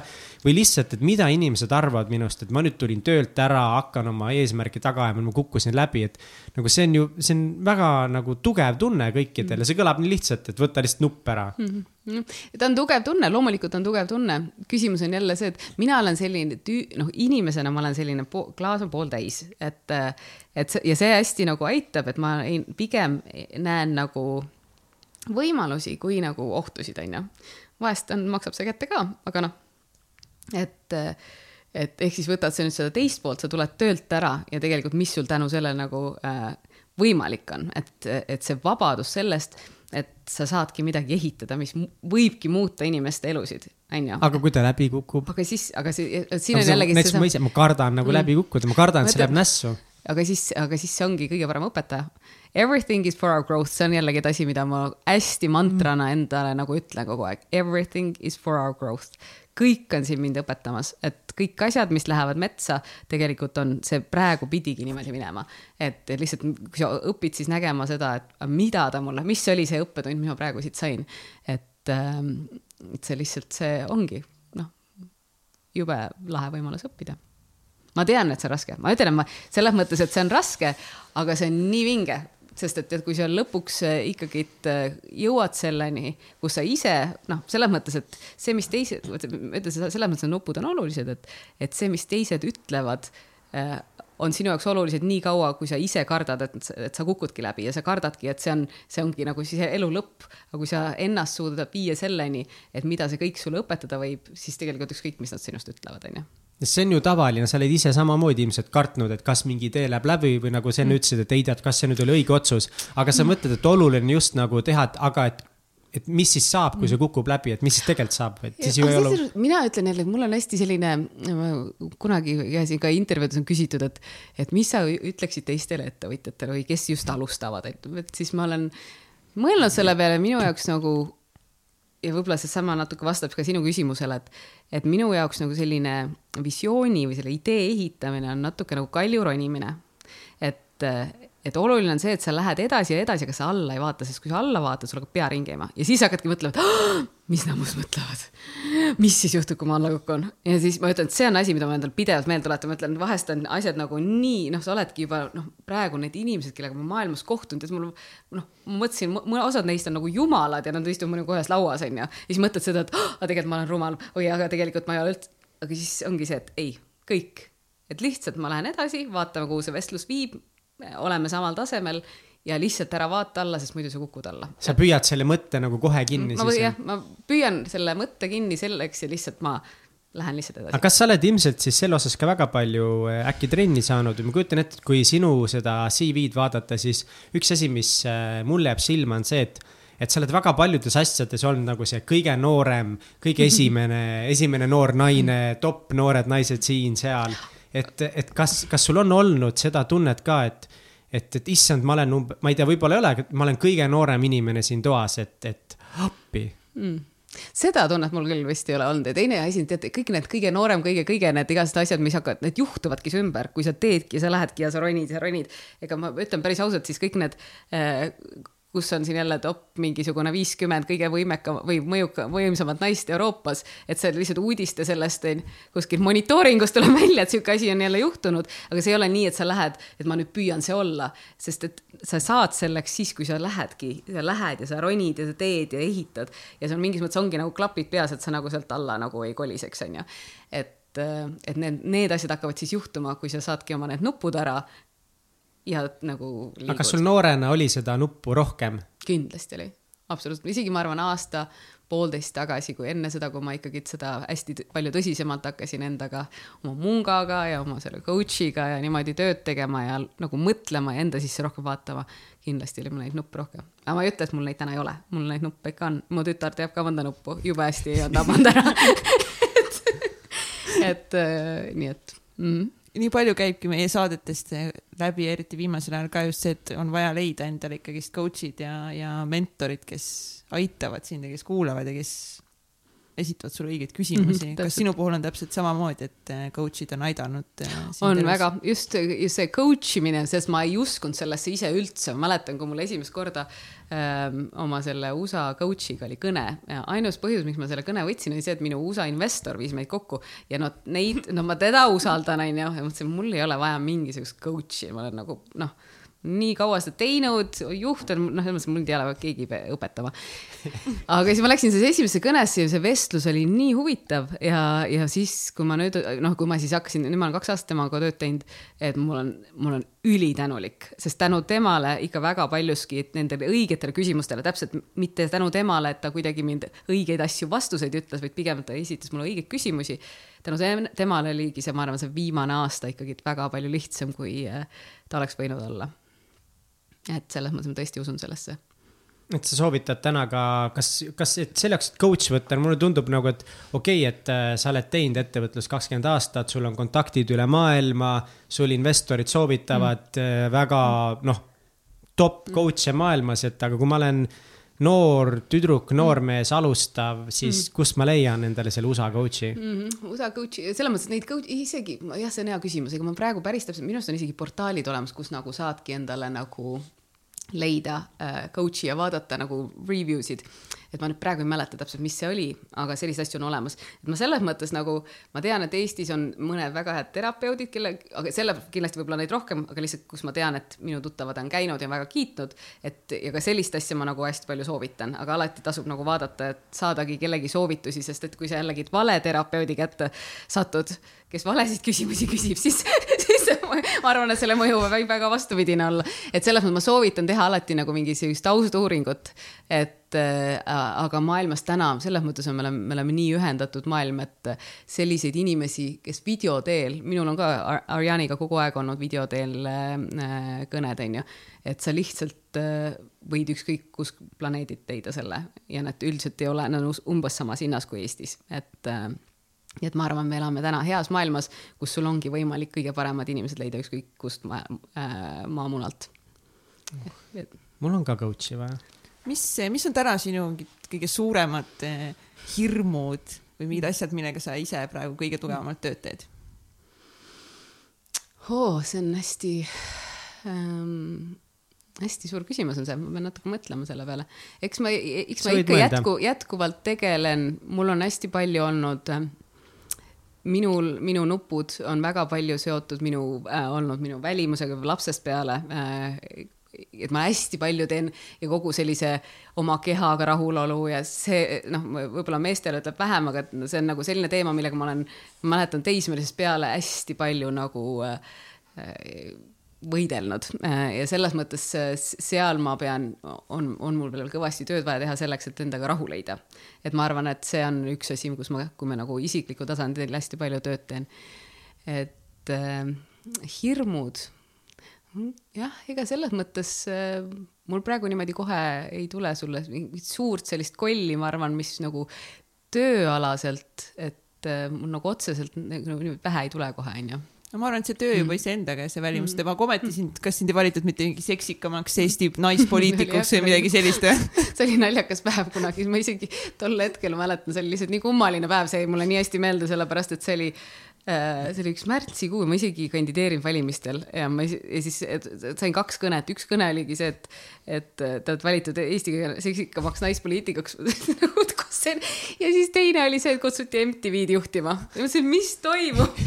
See oli pühapäev. ma mäletan, ma olin ema juures, mõtlesin, et huvitav, mis, mida see nüüd tähendas praegu aga see, see just see näiteks see hirm või, või nagu mitte hirm, aga just see enesekindluse küsimus keha osas, et ma arvan, väga paljud mehed saavad aru, et minul endal, ma olen terve elu hästi peenik olnud ja tundub nagu, et noh, peenik olla on no, ikka parem kui olla väga lai, onju. aga tegelikult minul näiteks on hästi tugevalt minu nagu enesekindlust mm. mõjutanud, sest ma tunnen, et ma olen hästi nõrk mm.. ja ma tunnen, et ma ei saa ennast kaitsta, ma ei saa võib-olla oma elukaaslat kaitsta ja kui ma olen nõrk, et ma mm. nagu, et ma ei saa vastu seista, sest ma olen nii nõrk. kui sa tunned, et sa oled nõrk, siis mm. ma olen ka väike ja kui ma olen väike, siis mm. ma olen nagu saamatu mm -hmm. ja see kõik tuleb sellest, sest ma tunnen, et ma olen liiga peenike. väga huvitav et äh, ma saan väga hästi sellest aru okay., et, et sellest nagu need erinevad mindset'id tulevad, aga kuidas sellega tööd teha? et noh, sellega tööd teha, see on nagu selline naljakas küsimus, sest et äh, no eks mina teen tööd sellega, et ma tõesti nagu ma noh, mul on omad rutiinid, et ma teen seda, et ma olen oma noh, et ma hoian neid rutiine, see teeb mulle hea enesetunde, ma olen, et ma olen uhke enda üle et aga selle, selles mõttes see on ikkagi niisugune constant struggle, nagu niisugune öeldakse, sest mingil hetkel mul nagu minu äh, coach ütles mulle, rääkisime sel teemal, ta ütles, et Karoli, mine viska nüüd oma kaal ära ma saatsin selle sõbranna juurde, et ma jubedalt kibenes tagasi saama. aga selles mõttes näed, see on selline, et noh, ta ütles, et noh, et äh, mõneks ajaks kasvõi viida kuskile mujale. Et ma ära ei visanud, aga viisin mujale. et, et selles mõttes meil on ikkagi äh, siuksed lihtsad asjad tegelikult teevad meile väga palju liiga ja sellega mm -hmm. tuleb tööd teha. jah struggle is constant ja nagu mul on terve elu võtnud aega, jõusaal on tundunud mulle nagu mulle ei ole kunagi jõusaal meeldinud ja noh, mulle meeldib aktiivne, alati see vabandus on olnud see, et mulle meeldivad aktiivsed spordid, võrkpall, mingi mm. meeskonnamängud, sest seal on teised koos, aga tegelikult ma olen aru saanud, et mul lihtsalt selline ebameeldiv tunne, kui mul on see kang käes, seal on vähe raskust peal mm ja mu käed värisevad nii palju hmm.. et ma juba alguses, see on nii raske seda hoida. isegi see, et nagu ja see näeb välja, sest mu käed hmm. shake ivad täiega. ma tõstan seda üles-alla ja ma ei jõua seda kangi sirgelt hoida ja siis ta hmm. kõigub ja siis teised vaatavad, kus ma selle hmm. väga väikese raskusega olen hästi nagu hädas ja ma ei taha ennast sellesse olukorda üldse panna ja ma olen terve elu vältinud jõusaali mm. sellepärast, et ma otsin need võrkpallid, ma otsin näiteks, ma käin jujitsus nüüd mm.. ma, see on nagu lukumaadlus, maadlus selline ja see on hullult lahe, see on nagu kihvt ja see mulle lihtsalt nagu meeldib. aga seal on palju asju, mis mulle meeldib, üks asi, mis mulle meeldib, et seal ei ole väga aru saada, kui sa nõrk oled. sest tehnika on tohutult oluline ja kui kõik on minust tehniliselt üle, kes on viis aastat teinud, on ju, siis see on ju normaalne, vaata. et aga nüüd ma hakkasin tegema just jõusaali kava lõpuks, aga see võttis aega. no küm-, üle kümne aasta üle kümne aasta, et minna mm -hmm. nagu jõusaali ja tegelikult teha mingit kava niimoodi, et ma nagu ei tunne halvasti ennast. sa mingit äppi kasutad või? Ei. ma soovitan, mulle hästi meeldib, on Nike training äpp. Äh,, seal on jube head treeningud, et nii äh, nende antlitega kui ka ilma, et, et minul näiteks hommikul ma teengi peale, peale jooksu, ma teen alati ühe core treeningu seal, et seal on, ma ei tea, alates viiest minutist kuni nagu muidugi mitmetunnised ka, aga, aga sihuke viisteist minutit nagu et ta paneb sulle, täpselt teeb õigeid asju, ütleb, milleks see nagu hea on, onju. minu, mind aitas sellest jõusaali hirmust see nagu üle saada, sest et nüüd on keegi, kes, et ma ei pea inimesega rääkima, sest minu, ma pean ütlema, et see on äh, üks asi, et mul on, ma võin kõnesid pidada, aga võõra inimesega rääkima minemine minu jaoks kõige õudsemaid asju üldse, et äh, selle. sinu jaoks? absoluutselt, ma võin ennem viis TED Talki teha, kui ma lähen networking üritusele ja pean rääkima võõraste inimestega. et et, äh, selles suhtes see äpp on nagu mind ka, et me jõusaalis nüüd mul on oma treener, ilma et ma peaks inimesega rääkima jaa aga millest see tuleb, seda on väga raske uskuda. Mm, jah, seda nad ütlevad jah, et miks sa kardad või nagu mitte, mitte karda, ma mõtlen, miks see on ebameeldiv sinu jaoks? ma tegelikult olen hästi introvertne inimene, selles mõttes mulle väga meeldib, ma olen pigem nagu üksinda oleja, oleja inimene, et, äh, et ma lihtsalt, äh, mul tuleb jube hästi välja see noh, selline ekstravertne introvert, ekstro, äh, ekstrovertne introvert olemine on ju, et äh, aga ma ei tea, kuidagi minu jaoks jah, on väga keeruline minna, sellega ma isegi olen teinud siis ka treeninguid jällegi oma mingi coach'iga, et. et nüüd mäletan, läksin kuskile suur esinemine suurel laval, absoluutselt ma ei olnud mures selle pärast. aga siis meil kõik, ta ütles, et nüüd teeme niimoodi, et sa lähed sinna networking üritusele ja sa räägid mingi, mis see oli, viie inimesega, ma ütlesin, et ja siis noh. Oh, wow. ja siis see oli minu jaoks eneseületamine see kõne, kuidas ta läks, see läks väga hästi. aga sa tegid ära selle? tegin ära, ma olin väga uhke enda üle ma kujutan ette, muidugi võid olla uhke enda üle. Wow.. et ja see oli väga tore õhtu lõpuks, et aga muidu, kui ma poleks seda teinud, siis ma arvan, poleks isegi sinna mingi speaker's dinner, ma noh, nii harva, kui ma üldse lähen nendele. kuigi lihtsalt ma hoian eemale, teen oma kõned ära ja räägin seal äh, inimestega, aga sellised, kus ma pean nagu chit-chat ja networking mulle ei tule üldse hästi välja lahe, et see teeb mul tuju heaks, et mhm. äh, Karoli jaoks on ka asju, mis on siiamaani rasked. seda on, seda on väga hea ja julgustav kuulda. aga kas äh, nagu, kas teistel inimestel on võimalik teha kõiki neid asju, mida sina teed, et seesama nagu me oleme hullult maininud, see kaks tuhat üheksateist, tegelikult sa tegid väga palju asju veel selle aastaga, et sa korraldasid mingisuguse koosoleku Obama ja Eesti kõrge poliitiku vahel, sinu ettevõtte CEO, chief operating officer lahkus ootamatult kõige raskemal ajal sa korraldasid mingeid üritusi äh,, issand, see, ma ei saa öelda Eesti eest, kõigi Eesti täpselt, sa tegid. et kas see on midagi, mis on ikkagi nagu tegelikult võimalik ainult Karolile? kindlasti ei ole võimalik ainult Karolile. aga see ei, nagu ei tundu realistlik? No selles mõttes tundub, et see on, see on ju, ma isegi ei tea, kuidas sellele nüüd vastata. ma arvan, et see on lihtsalt nende asjadega on see, see on jällegi, et äh, üks on see kalju ronimine, onju, ja kui sa oled nagu nii tohutult millessegi usud, siis hakkavad inimesed äh, et näiteks kasvõi see, et kuidas sellised kontaktid üldse täna on, et ma nagu mäletan seda, kui mul tuli nagu õhtusöögi kutse Al Gore'iga, selles mõttes, et nagu alguses ma arvasin, et see spämm päriselt ka, ma isegi ignoreerisin nende kirja nädal aega, siis ma arvasin, et see oli mingisugune, siis tuligi välja, et aga see tulebki sellest, et sa lähedki ja sa ronid ja sa ise usud ja sa mingis mõttes, mida ma olen nagu aru saanud, ongi see, et vaata mingis mõttes inimesed hästi tahavad tegelikult äh, näha head tulevikku, noh, selles mõttes, et aga tihtipeale äh,, aga mitte kõik inimesed kogu ei näe seda ja selleks nagu ongi vaja nagu vahest aidata ja näidata seda tulevikku. Ja mina hästi palju noh, näiteks kogu sellesama liikumise äh, sellest, kuidas diversity on kasulik äh, maailmale, inimestele, et, et ma hästi palju sellest räägin ja ma mingis mõttes näitangi seda mingisugust tulevikku ja siis, ja siis tegelikult see tõmbab nagu häid inimesi ja sind tõmbabki äkki sa avastadki, oledki, et ennem olid Pärnu nagu Raekoja gümnaasiumis ja nüüd istud Al Gore'iga seda õhtust onju. et, et, et see lihtsalt kuidagi sellel on nii palju jõudu, kui sa, kui sa ronid ja ehitad seda tulevikku, mis teeb tegelikult nagu kõigil maailma paremat, paremaks. ma ei tea, kas see vastas su küsimusele? see oli ideaalne vastus. pluss kümme kuni kakskümmend aastat seda jutti tegemist et see ei ole see, et. Äh, et üleöö mm, üle, overnight success. Overnight success, kas sa oled overnight success ma arvan, et overnight success on tavaliselt ka selline, et tegelikult seda ei ole. seda ei näe lihtsalt. sest sa ei näe, mis ennem seal toimus, onju. et et, et kui palju kukuti enne seda, kui see Overnight Success tuli. kõik see Slacki lugu te, ma arvan kindlasti ka teate. jaa, oh, I love that story. et, et, et selles suhtes jah. minge otsige Slacki lugu ülesse, väike mm. nagu ja kui te mõtlete ei viitsi, siis mm. see on huvitav sellepärast, et seesama mees äh, found'is ka Flickri, oli seesama? Flickri jah, ta kaks ta korda hakkas mängufirmat tegema yeah. nagu ehk siis gaming, siis äh, kahel korral ei tulnud mängufirma välja, ühel korral sai mängufirmast Flickr ja teisel korral sai mängufirmast Slack. see on väga hea lugu jah ta ikka nagu seda mängufirmat hullult tahtis muidugi kasutada, see oli. aga minu arust ta proovis pärast veel on just midagi seal proovinud, et nagu peab olema hea hobi. aga kas meil on aeg minna? väärt küsimuste juurde, jah. meil on eh, aega neliteist minutit, et mm. kõik ära teha. super, me saame ilusti hakkama. kes mina ostan? aa ah, jaa, Karoli kas sul on olulisi harjumusi või rutiine, mida sa teed igapäevaselt või iganädalaselt ähm,? Noh, ma natuke nagu kirjeldasin juba. ei no küsimus on selline. küsimusega ma, ma pean vastama sellele. okei, okei, okei. ja mul on igapäevased rutiinid väga tugevad, et mul on hommikul äh,, ma mediteerin, siis ma jooksen, siis ma teen ühe jõutreeningu, siis ma käin kuumas vannis, jääkülma duši all ja, ja siis, ja siis põhimõtteliselt äh, joon oma matšat, mis on minu selline, pärast seda, kui mulle öeldi, et ma kohvi ei tohi juua, siis ma, see on minu nagu päeva alustaja on matša tee. kaua see kõik aega võtab kaua see aega võtab? no selle ikkagi võtab niimoodi aega, et äh, no mingisugune kaks äh, tundi. mis kell sa ärkad? Äh, noh, üldiselt ma ärkan mingi kuuest mm, -hmm. et äh, vahepeal ma ärkasin veel varem, noh nüüd ma ikkagi ütleme kuuest. Äh, lockdown'i ajal läks see kuidagi sujuvalt seitsme peale aga, aga nüüd ma jälle olen tagasi läinud sinna, et jah, nii et. ja mis kell sa magama lähed?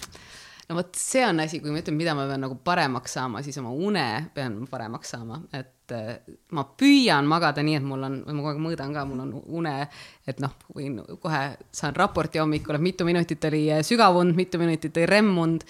et ma püüan teha nii, et mul on seitse tundi, aga see ei tule väga tihti välja, nii et, et siis tee matemaatikat, siis saad teada, millal magama lähen. tavaliselt on ikkagi ta kuskil kuue, kuue kanti milles sa väga hea ei ole? milles ma väga hea ei ole? ma ei ole, ma ei ole üldse selline, kuidas see on nagu eesti keeles, et nagu see detaili inimene, et ma arvan, ma oleks maailma kõige hullem raamatupidaja, kui keegi peaks mind raamatupidajaks võtma. et ma olen nagu täiesti nii, et kui ma loen ka tekste, siis ma ikka olen selline, kes nagu noh, diagonaalis, et ma, mul kuidagi, ma ei ole väga hea selline detailidesse süveneja see on mulle igasuguseid sündmusi toonud, ma ütlen, et kui tahate, ma võin rääkida, kõige üks nagu sihuke eredam oli Nii. see, kus ähm, üks mu suurimaid esinemisi, kõige iroonilisem ka, Forbes äh,, see Fortune ajakirja äh, Fortune Magazine's The Most Powerful Women in the World, sihuke konverents, mind kutsuti esinema sinna, onju, ma olen Londonis ja siis äh, ma ei olnud väga süvene, mis kellas see esinemine.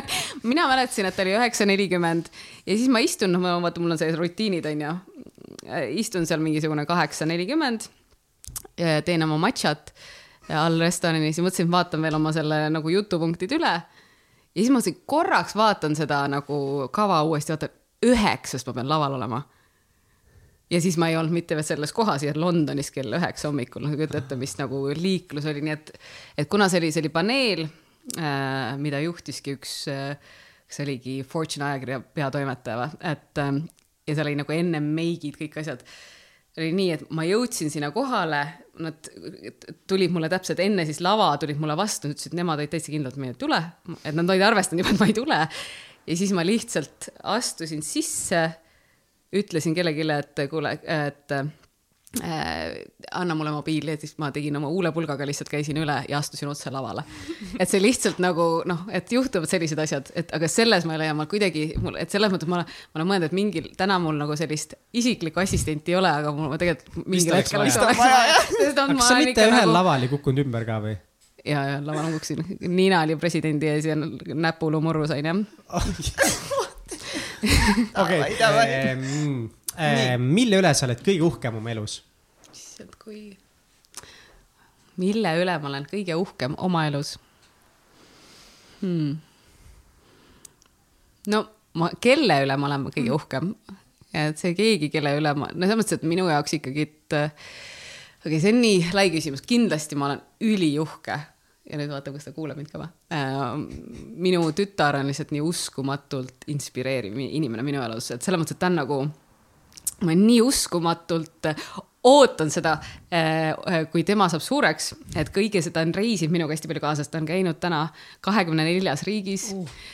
Ta räägib noh, tegelikult kahte keelt vabalt, aga tegelikult nelja keelt õppinud, selles mõttes, et äh, ja kõik see, et ma tahaks nagu, ma olen uhke selle üle, kui, kuidas tema on tegelikult lasknud mul olla see juht, kes ma olen, et, et ma arvan, et see on, tema poolt on ikkagi hästi palju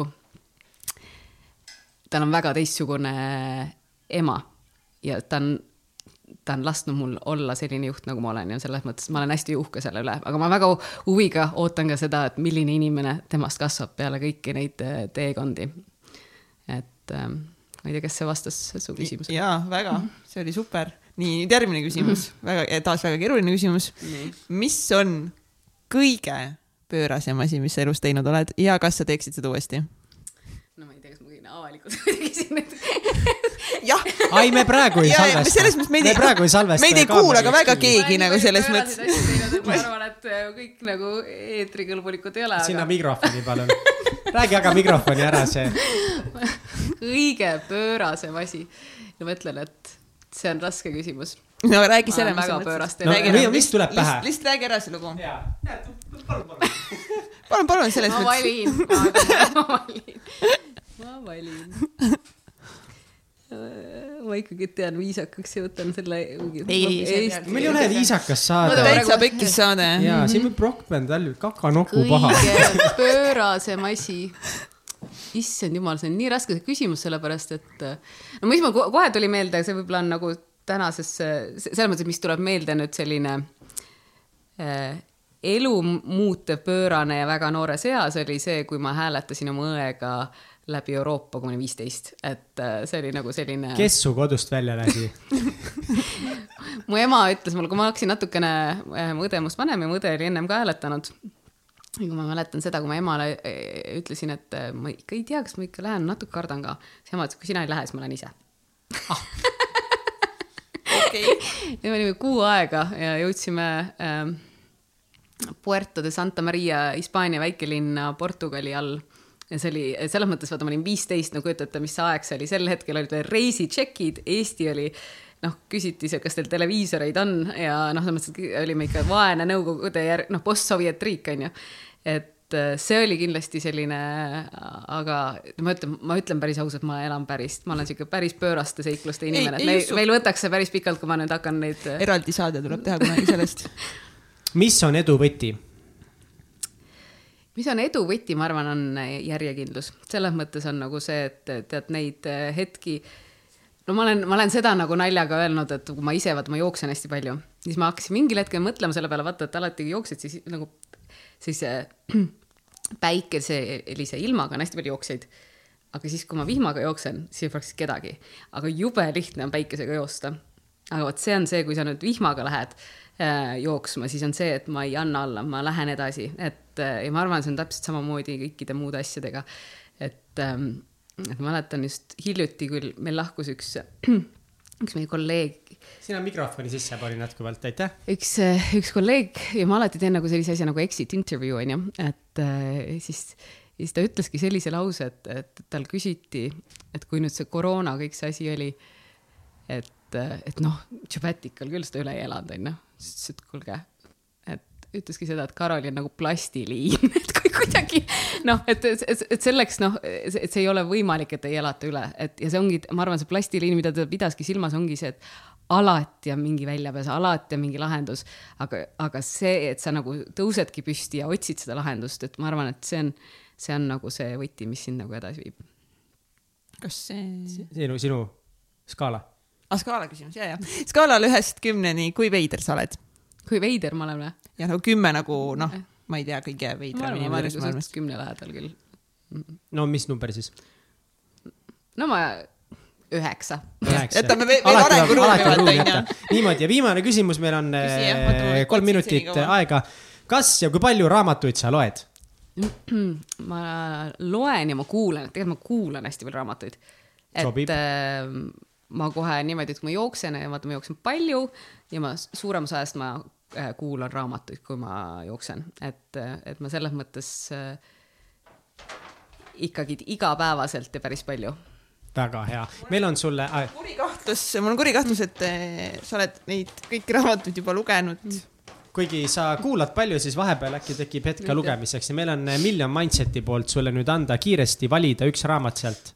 no nii klassika Simon Sineki esmalt küsimiks. see on, see on väga hea raamat. Täiega no,. nii et Start with Why Karoli soovitab. kuule, viis tärni suhtlemissaladused, mis muudavad sind heaks võrratuks mm. -mm -mm issand, kui huvitav, see on nagu ikka jah, noh, ma kõik ole. äkki tõesti. aga ma muidugi inglise keeles olen neid lugenud, aga. võib-olla küll, tulemuslikkuse. kusjuures Karmen, oota, mõtlen, et kas see on nüüd seesama uh, The Storyteller's Secret või? ei, ei ole mm., aga et seda ma soovitan, sellesama autori Storyteller's Secret on üks lemmikuid äh, storytelling'u raamatuid uh,. okei okay.. Storytelling Secret.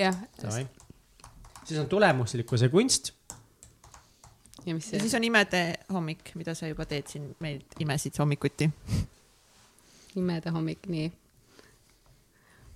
tegelikult ma mõtlen seda, et äkki ma, kuna saad kinkida kellelegi. aga seda ma pole lugenud tegelikult no,, selles mõttes, et ma olen lugenud Karmin Kall Kallo teist raamatut, aga ma võtan selle. ilmselge valik. et. nii, eh, kus meie kuulajad saavad sinu tegemistel silma peal hoida ähm,? Kus nad saavad, ma ei tea Facebookis, Twitteris, LinkedInis, akna taga. pigem mitte, ei, ei lähe. Äh, et selles mõttes ma olen päris äh, aktiivne kõikides meediumites selles mõttes, et äh, võib mind jälgida Facebookis, Twitteris, LinkedInis. minge follow ge. Instagramis, Instagramis on mul rohkem nagu selline äh, personaalsem rohkem kui, kui nagu äh, siis ütleme, et Facebookis ja LinkedInis, ma arvan, saab kõige parema, ülevaatlikuma, äh, et kuidas me täpselt maailma muudame, et seal saab nagu seda teemat. kui tahate näha päris Karolit. ja siis tulge Instagrami. siis tulge Instagrami, ehk siis nagu iga, igale poole follow'id, like'id ma ei tea, see oli nii lahe vestlus ja mul on nii kahju. mina tänan nii palju sind ja mul on nii kahju, et meil on nii vähe aega, et te peate ära kihutama, sina pead ära kihutama, igatahes ma ütleksin, et äh, sa oled täiesti sõge naine kõige paremas võtmes äh, sa oled cool, äge ja veel kord aitäh, et selle aja meisse investeerisid. ei, seda ei kuule keegi ammu, et see mikrofoni räägib, pole hullu, polegi vaja, sest ammu on aeg läbi, kõike paremat teile, follow ge meid, Patreonid, kõik jutud, tšau. Bye. aitäh, et kuulasid saadet Täitsa Pekkis saate tõid sinuni Katrin Hindrikus-Karu ja Mihkel Vetemaa. tehniline juht Egert Karu. NATO superspai Triin Tallo ja ÜRO Supreme Manager Kelly Treu. kui see saade läks sulle korda ja inspireeris sind, siis toeta meid ka Patreonis. Patreon.com kaldkriips Taitsa Pekkis. saadet toetavad United Dream Studios, Tint Disain ja Million Mindset kirjastus. uus saade igal esmaspäeval. Kuulmiseni, Kuulmiseni.!